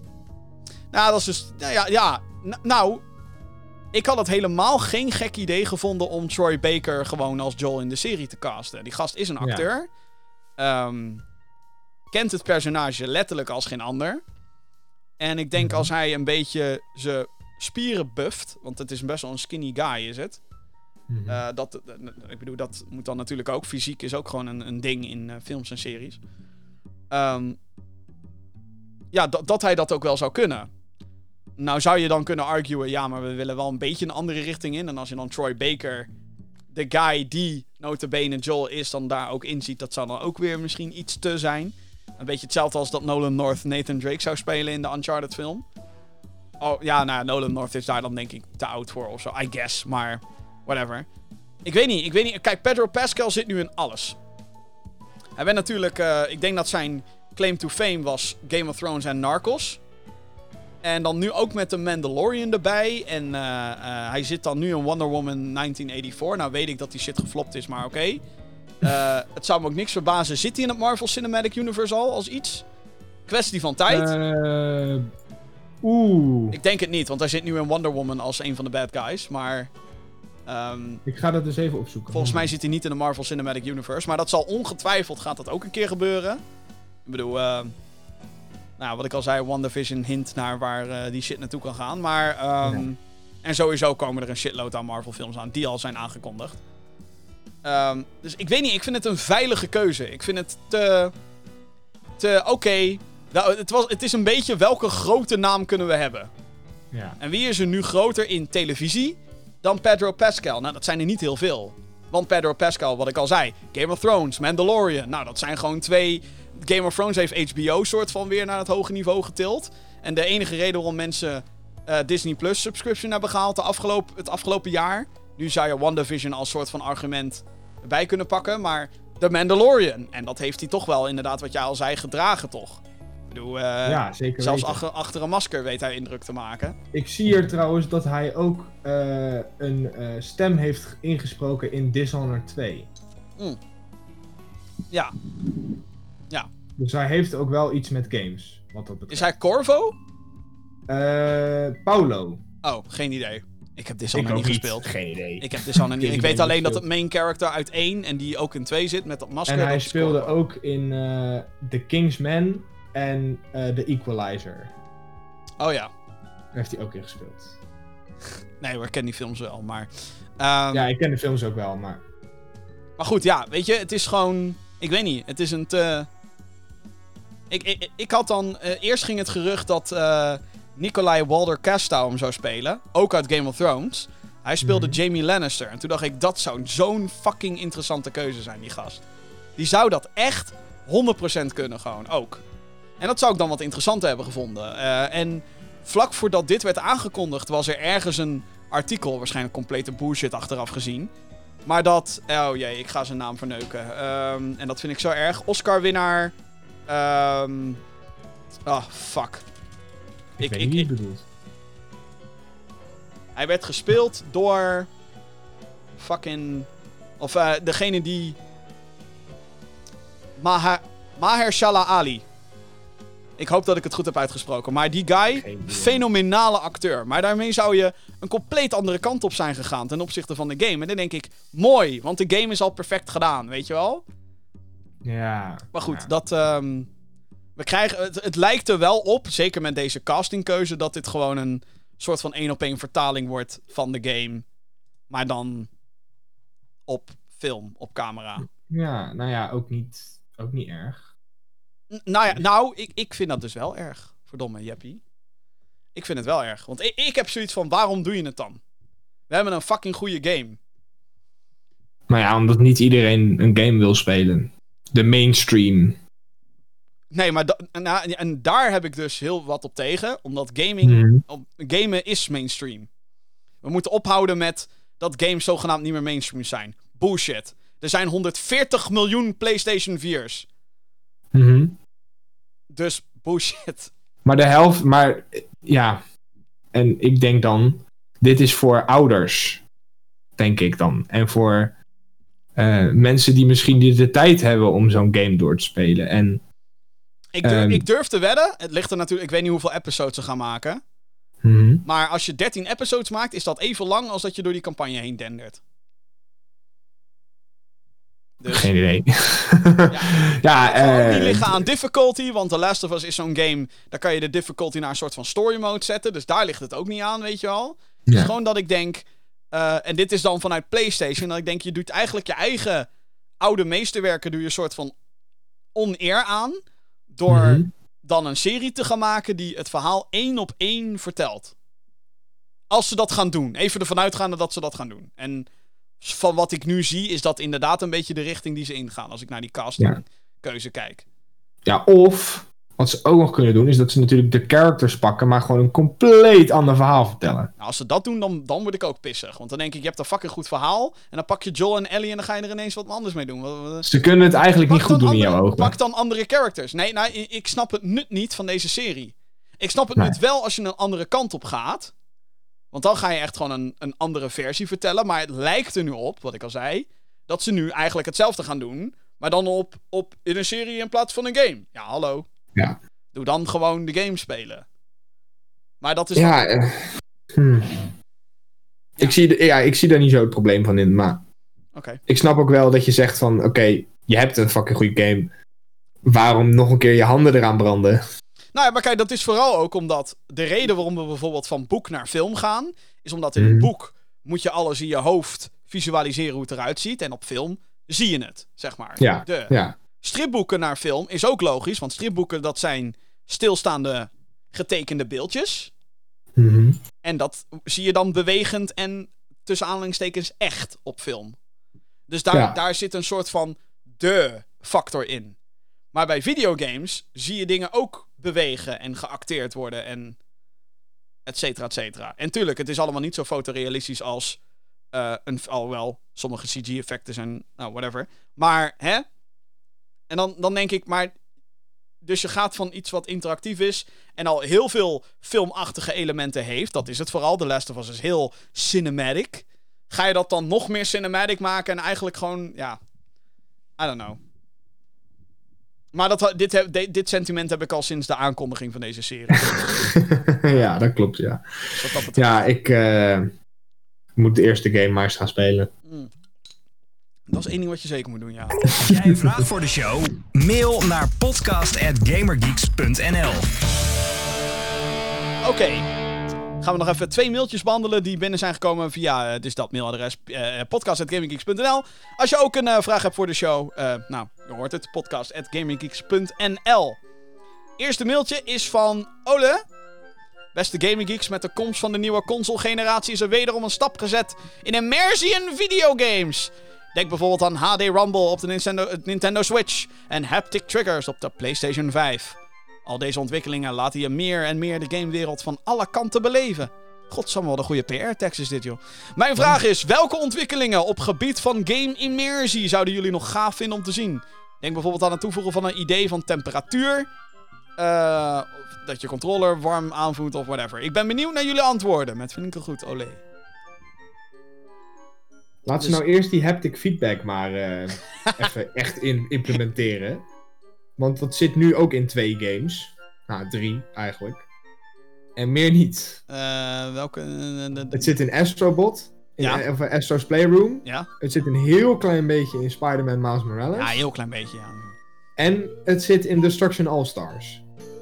Het schijnt ook in Call of Duty Cold War te zitten. Het schijnt ook in Immortals Phoenix Rising te zitten. Het schijnt heel erg in Dirt 5 te zitten. Dus ik denk niet Oh. dat je daar gelijk hebt. Oké. Maar ik wil nog steeds dat er meer mee gedaan wordt dan dat er nu mee gedaan wordt. Ja, maar dat wat kunnen ze dan... elke game straks zit, zeg maar. Ja, oké, maar dat... Nou ja, als ik dan dat lijstje opnoem, denk ik, nou, dat is toch best wel wat. Ja, oké, ja. Het is meer dan dat ik verwacht had eigenlijk. Het is ook niet dat ik trouwens wil dat elke game zoiets heeft, als ik heel eerlijk ben. Maar Ja, of dat er een optie is dat je het uit kan zetten. dat is er sowieso. Je kan het sowieso uitzetten.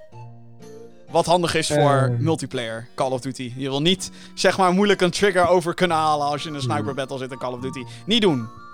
Niet doen. Gewoon op PC zitten. Of een muis en toetsenbord Ja, op je PlayStation eh, aansluiten. Andere ontwikkelingen. Hmm. Nou, ik, eh, ik ben heel erg voor het eh, wireless VR. En dan kan je zeggen, bestaat al. Oké, maar dan moet je eerst een teringdure headset kopen en daarna ook nog eens een teringdure adapter. Gewoon de nieuwe PlayStation VR. Wireless, please. Sony, let's go. Ja, daar ben ik het ook wel mee Dat eens. zou de ontwikkeling zijn voor mij. Ehm, als we dan kijk, kijk, de, eh, oh nou, als we het hebben over de als je het hebt over een controller, dan verbaast het mij dat de DualSense, en dat zou de shit natuurlijk nog duurder hebben gemaakt, maar dat de touchpad een touch schermpje is. Want dat zou immersief zijn dat je op, de, op, op je tv zie je geen heads-up display. Geen health bar, whatever. Nee, daar moet je even snel naar op je controller kijken. Maar. Jim, dit hebben ze al gedaan. Dit was de Wii U. Klopt. En de Dreamcast had dat ook, by the way. Ehm, de Wii U is geflopt. ja, maar de Wii U is niet geflopt omdat het zo'n... Nou ja, ook omdat het zo'n gekke controller had. Maar dat was meer hoe de knoppen daar ingedeeld waren. Want dat was echt fucked up. En sowieso de Wii U. Zullen we het gewoon niet meer hebben over de Wii U? nee, dat doen we niet. Maar Nee. een DualSense met een klein schermpje... in plaats van alleen een touchpad... Ja, ja, ja. Bedoel, is fucking duur en de meeste games zullen daar waarschijnlijk ook geen gebruik van maken. Maar als je in Resident Evil bijvoorbeeld dat heartbeat monitortje zou hebben op je touchpad, je touchscreen, in plaats van dat je op je scherm ziet hoe of wat, Mhm. dat is wel dope. Eigenlijk doet de PlayStation controller dat trouwens al in Resident Evil. Als je in Resident Evil namelijk gewoon op goede gezondheid zit, dan zijn die Mhm. lampjes op je controller zijn al groen. Eh, ben je danger, wordt het oranje. En ben je bijna dood, dan wordt het rood. Dus dat soort shit zit er al een beetje in. Ja, ja. Weet Ja. je wat ik wil dat ze, dat ze fixen? Nou, Controller drifting. gewoon fix de analoge sticks eerst, maar dat Ja, maar, ja, maar serieus, want er waren ook al reports dat de PlayStation 5 er ook last van heeft. Nou, En Xbox Series X controllers. Ja, en de Nintendo Switch die wordt er al jaren mee getergd met het drifting probleem. Ja. Dus laat ze dat nou eerst maar eens even fixen, alsjeblieft. Voordat we allemaal gekke dingen gaan verzinnen. Ja, ja. Zorg dat je wat je nu hebt gewoon 100% van de tijd gewoon werkt. Nou, wa- wa- wat ik, wat ik dus wel merk is dat. En ik hoop dat dit met de SSD. dat dit een, een, een dingetje wordt die een beetje geëlimineerd wordt. Maar Mhm. eh, hoe meer ik games zeg maar speel nu. hoe meer ik achter trucjes kom. Achter. ehm, gewoon ontwikkelingstrucjes. Dus bijvoorbeeld. eh, eh, ik neem even Tomb Raider en Star Wars Jedi Fallen Order als voorbeeld. Dat als eh, het main character door zo'n krappe ruimte, zeg maar, soort van heen kruipt. Mhm. Dat is eigenlijk gewoon een manier om een gebied in te laden. Ja, dat had ik ook in Ghost of Tsushima. Daar zit dat ook in. Ja, precies. Dus dat is dan Ja. ook zo. Ja. al zo van. Even laden. laden, maar een soort van verborgen. In Metroid Prime deden ze dat trouwens door. ehm, als je dan op een deur schoot. Dan ging die niet. Deur schieten was dan deuren openen. Maar soms dan duurde het heel lang. En dan ga je dus schieten de hele tijd op die deur. Maar hij was eigenlijk gewoon het nieuwe gebied aan het inladen. Ja, Bijvoorbeeld. Maar ja ik, ik heb niet zo'n probleem met dat soort trucjes op zich. nou ja, goed. Dat zijn natuurlijk ook die. Als ik maar niet naar een zwart scherm hoef te kijken, dat vind ik gewoon... Nee, precies. Nee. Maar ik denk dat we dat met de SSD, dat we dat soort shit... eh, Oh, wel, in Ratchet Clank zie je het ook gewoon. Als je door die Rift gaat, in Rift Apart, in die... eh, Dat is ook een laadscherm. Oké, die duurt Ja. dan maar anderhalf seconde, maar het is wel een laadscherm. Verborgen, soort van. Nou goed, whatever. Leuke manier om het op te lossen in ieder geval. Ja. Eh, volgende mailtje. Hey geeks, ik ben deze week bezig geweest in eh, Resident Evil 2 en 7 alle achievements te unlocken. Holy fuck. Dat kost best veel tijd en is soms best moeilijk. Bijvoorbeeld de game op hardcore uitspelen zonder te sterven. Dat is hardcore volgens mij. Dus Ja. mijn vraag, in welke game hebben jullie alle achievements 100% unlocked platinum trophy? En wat is de moeilijkste slash zeldzaamste achievement of trophy die jullie hebben? Groetjes, Ruben. Nou, de enige game die ik heb geplatinumd is Astro's Playroom. nou was dat niet zo heel moeilijk op zich. Dus eh, ja, ik ben niet, gewoon niet zo van... Ik ben niet zo'n iemand die graag zo'n platinum trophy heeft. Ik, eh, ik wist dat het bij Astro's Playroom niet zoveel moeite was. Dus toen had ik zoiets van, oké, ik ga nu even doorzetten en ik ga het gewoon doen. Maar vaak als ik eh, de hoofdmissie heb uitgespeeld en, de en wat side content heb gedaan, dan ben ik vaak klaar met een game. Dus eh, ik heb niet zo heel veel games die ik 100% heb geunlocked. Ik eh, heb inmiddels wel wat platinums erbij. Maar dat komt omdat ik juist het idee heb dat ze wat meer haalbaarder worden. Het zijn wel allemaal Sony games, geloof ik. Dus ik heb Infamous First Light heb ik de platinum. Ik heb Astro inderdaad ook. Ik heb Spider-Man. Spider-Man Remastered. Cheesy. Eh, Miles Morales heb ik platinum. En Horizon heb ik platinum. Zero Dawn. Hm. Ehm, en die waren niet echt moeilijk. Ik heb gewoon alles gedaan, zeg maar, in die game. That's it, Ja. basically. Uh, en voor Spider-Man moest ik wel een paar extra dingetjes doen. Uh, Spider-Man Miles Morales moest ik bijvoorbeeld een New Game Plus moest ik voltooien. Nou, als je niet de zijshit hoeft te doen in Miles Morales, ga je daar heel snel doorheen. En zeker in New Game Plus, als je al je powers en upgrades hebt, dan is dat gewoon easy. Um, dus echt moeilijk was dat niet. Um, ik ben niet zo'n achievement of trophy jager. Voor mij is het, als het haalbaar is, als ik denk, oh ja, dit kan ik wel halen en ik kan nog steeds lol hebben in het spel. En ik zeg niet dat dat niet zo is als, als het moeilijk is of zo. Maar ik ben iemand die. Ik heb zoiets van. Credits, mooi. Volgende. Dat ben ik. Ja. Ja. Uh, en er zijn natuurlijk uitzonderingen. Er zijn games die ik opnieuw speel. Ik ben nu zo waar in Resident Evil 2 aan de B-runs begonnen. Uh, dus ik heb als Leon de game uitgespeeld, als Claire de game uitgespeeld. En nu wil ik eigenlijk heel graag Leon Second Run heet dat dan. Maar dat, dat noemen ze dan de B-storyline. En dat, hetzelfde ja. met Claire doen. Dus dat is dan eigenlijk vier keer dat ik door die game heen ga. Alhoewel de second run dus wel echt heel anders is. Whatever. Um, maar ik doe dat niet omdat ik dan per se de platinum wil halen. Want inderdaad, in Resident Evil moet je echt gekke speedrun shit gaan doen om uh, platinum... Ja, nee, sorry. Ik heb er gewoon echt... Ik ben iemand... Ik koop... Binnen de kortste keren komt er weer een of andere nieuwe game uit. En daar ben ik dan heel erg in geïnteresseerd. En ik heb er gewoon echt de tijd niet om dat soort shit te, achteraan te gaan. Plus, ja. als ik wel voor een platinum ga, wat bijvoorbeeld bij Spider-Man en Horizon zo is, um, dan denk ik, oh, dat is haalbaar, dat ga ik dus doen. Dan ga ik wel mijn mind erop zetten om dan die platinum te halen. Maar dan zit ik altijd met zo'n fucking nerveus gevoel. Zo van, gaat die trophy nu al poppen? Gaat hij nu al... ik heb dit ding gedaan nu, toch? Gaat hij nu... Pling! Ah, oh, godzijdank. Ah, thank god. Ah, oké. Okay. Oké, okay, volgende ding. Weet je wel, dus dan... Het maakt me eigenlijk nog nerveuzer voor het spelen van een game dan wat ik normaal ben. En ik ben normaal ongeduldig. Dus, ja, dat. Maar als ik iets moet noemen, het moeilijkste wat ik ooit voor elkaar heb gekregen in een game... Ik heb eh, Super Mario The Last Levels uitgespeeld. Oké. En dat vind ik op zich best wel een achievement van mezelf. Want Nou. holy fuck, die game is moeilijk. Wel met de save-functie in de Super Nintendo versie, maar I don't give a fuck. Officiële release, I don't care.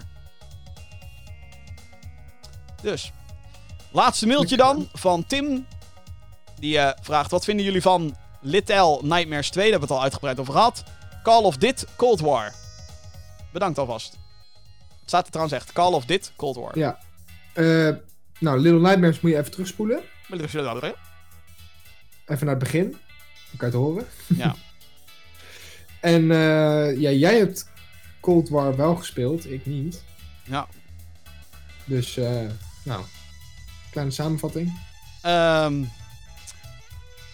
de multiplayer is best leuk, maar als je eenmaal de rage voelt, hou dan op. Zombies mode wordt daadwerkelijk nu leuk, want nu hebben ze twee maps. Ik heb ze wel allebei uitgespeeld, dus het is dan een soort van ook wel klaar. De Easter egg shit. Campaign heb ik eigenlijk nog niet heel veel van meegekregen, als ik heel eerlijk ben. Maar, dat is wel weer zeg maar typisch Hollywood. Wow, er gebeurt van alles en nog wat, pam, pam, pam. En ik weet dat je dit keer keuzes kan maken in een Call of Duty campaign. Wat best wel Oh. zo. Nou, nou. In een Nou. Call of Duty. Wat is dit? Weet je, wel, een beetje eh, dat. Maar ehm, ja, ik, vind- ik, vind het, ik vind het een toffe Call of Duty in zijn algemeenheid. Ik vond Modern Warfare alleen wel indrukwekkender. Qua. Ja, maar Call of Modern Warfare was echt steengoed. Ja, dat was wel echt. Ja. eh, dat, dit is dan. In sommige aspecten, met name graphics. Is dit wel een stapje achteruit. Oh. Ja. Hmm. Ja. Oké. Je kan niet alles hebben natuurlijk, maar... Heel benieuwd naar de Call of Duty van dit jaar, want ook die komt er gewoon aan hoor. Uiteraard. Hadden we wat Zeker anders verwacht? Natuurlijk niet. Denk jij nou? Jeetje, Mina. Goed, en daarmee zijn wij aan het eh, einde gekomen van deze 162 af, eh, sorry, 162 aflevering van de Gaming Geeks podcast. Maar niet voordat ik je heb verwezen naar de website en het YouTube kanaal. GamingGeeks.nl Uiteraard. En, ehm ja, wat ik al zei, het YouTube-kanaal, youtube.com slash gaminggeeksnl. Want daar staat weer wat nieuwe content op. Ik heb bijvoorbeeld eh, mijn Little Nightmares 2 TV Edition. Ja, ja, ik heb weer een eh, Collector's Edition ergens vandaan getoverd. Eh, betaald, besteld. Kwam te laat aan. De TV Edition heb ik geunboxed, die kan je checken. En ik heb een review online gezet van Spider-Man Miles Morales. Dus mijn concluderende gedachten over die PlayStation 5 game. De eerste PlayStation 5 review op Gaming Geeks. Dat werd een keer tijd. Kan je dus vinden op gaminggeeks.nl. En deze week gaat er volgens mij ook weer het een en ander gebeuren. Jij was al bezig met een eh, 3D World video. Ja, en die komt eh, ja, deze week. Hopelijk. Oh. Als alles mee zit. Eh, ik had op, op YouTube had ik een klein community polletje gedaan, ook voor de grap. Zo van, goh, welke video review willen jullie eigenlijk hierna zien? En toen kwam Little Nightmares 2 kwam daar heel erg hoog uit de bus. Oké. Dus eh, ik denk, eh, ik ga lekker doorspelen en dan eh, Little Nightmares 2 eh, zo snel mogelijk. Of, of, of me dat deze week gaat lukken, geen idee. Maar ehm, stay tuned, zeggen we dan. Op gaminggeeks.nl of dus het YouTube kanaal. youtube.com slash gaminggeeksnl. Mocht je daar nog niet op geabonneerd zijn, doe dat. Eh, like, eh, druk op het belletje, dat soort uh. Deze podcast kan je daar ook op vinden overigens. De videoversie dan natuurlijk. Maar wil je liever gewoon luisteren zoals dat eigenlijk hoort bij een podcast... En dan kan dat natuurlijk ook. Dat kan je doen via je favoriete podcastdiensten. Zoals Google Podcast, Apple Podcast en Spotify. En ehm, ja, dat was het eigenlijk wel. Dan wil ik je eigenlijk gewoon heel hartelijk bedanken... voor wederom het luisteren naar de 162e aflevering van de Gaming Geeks podcast. Jappie, bedankt! Geen probleem. En tot de volgende keer. Later. Later!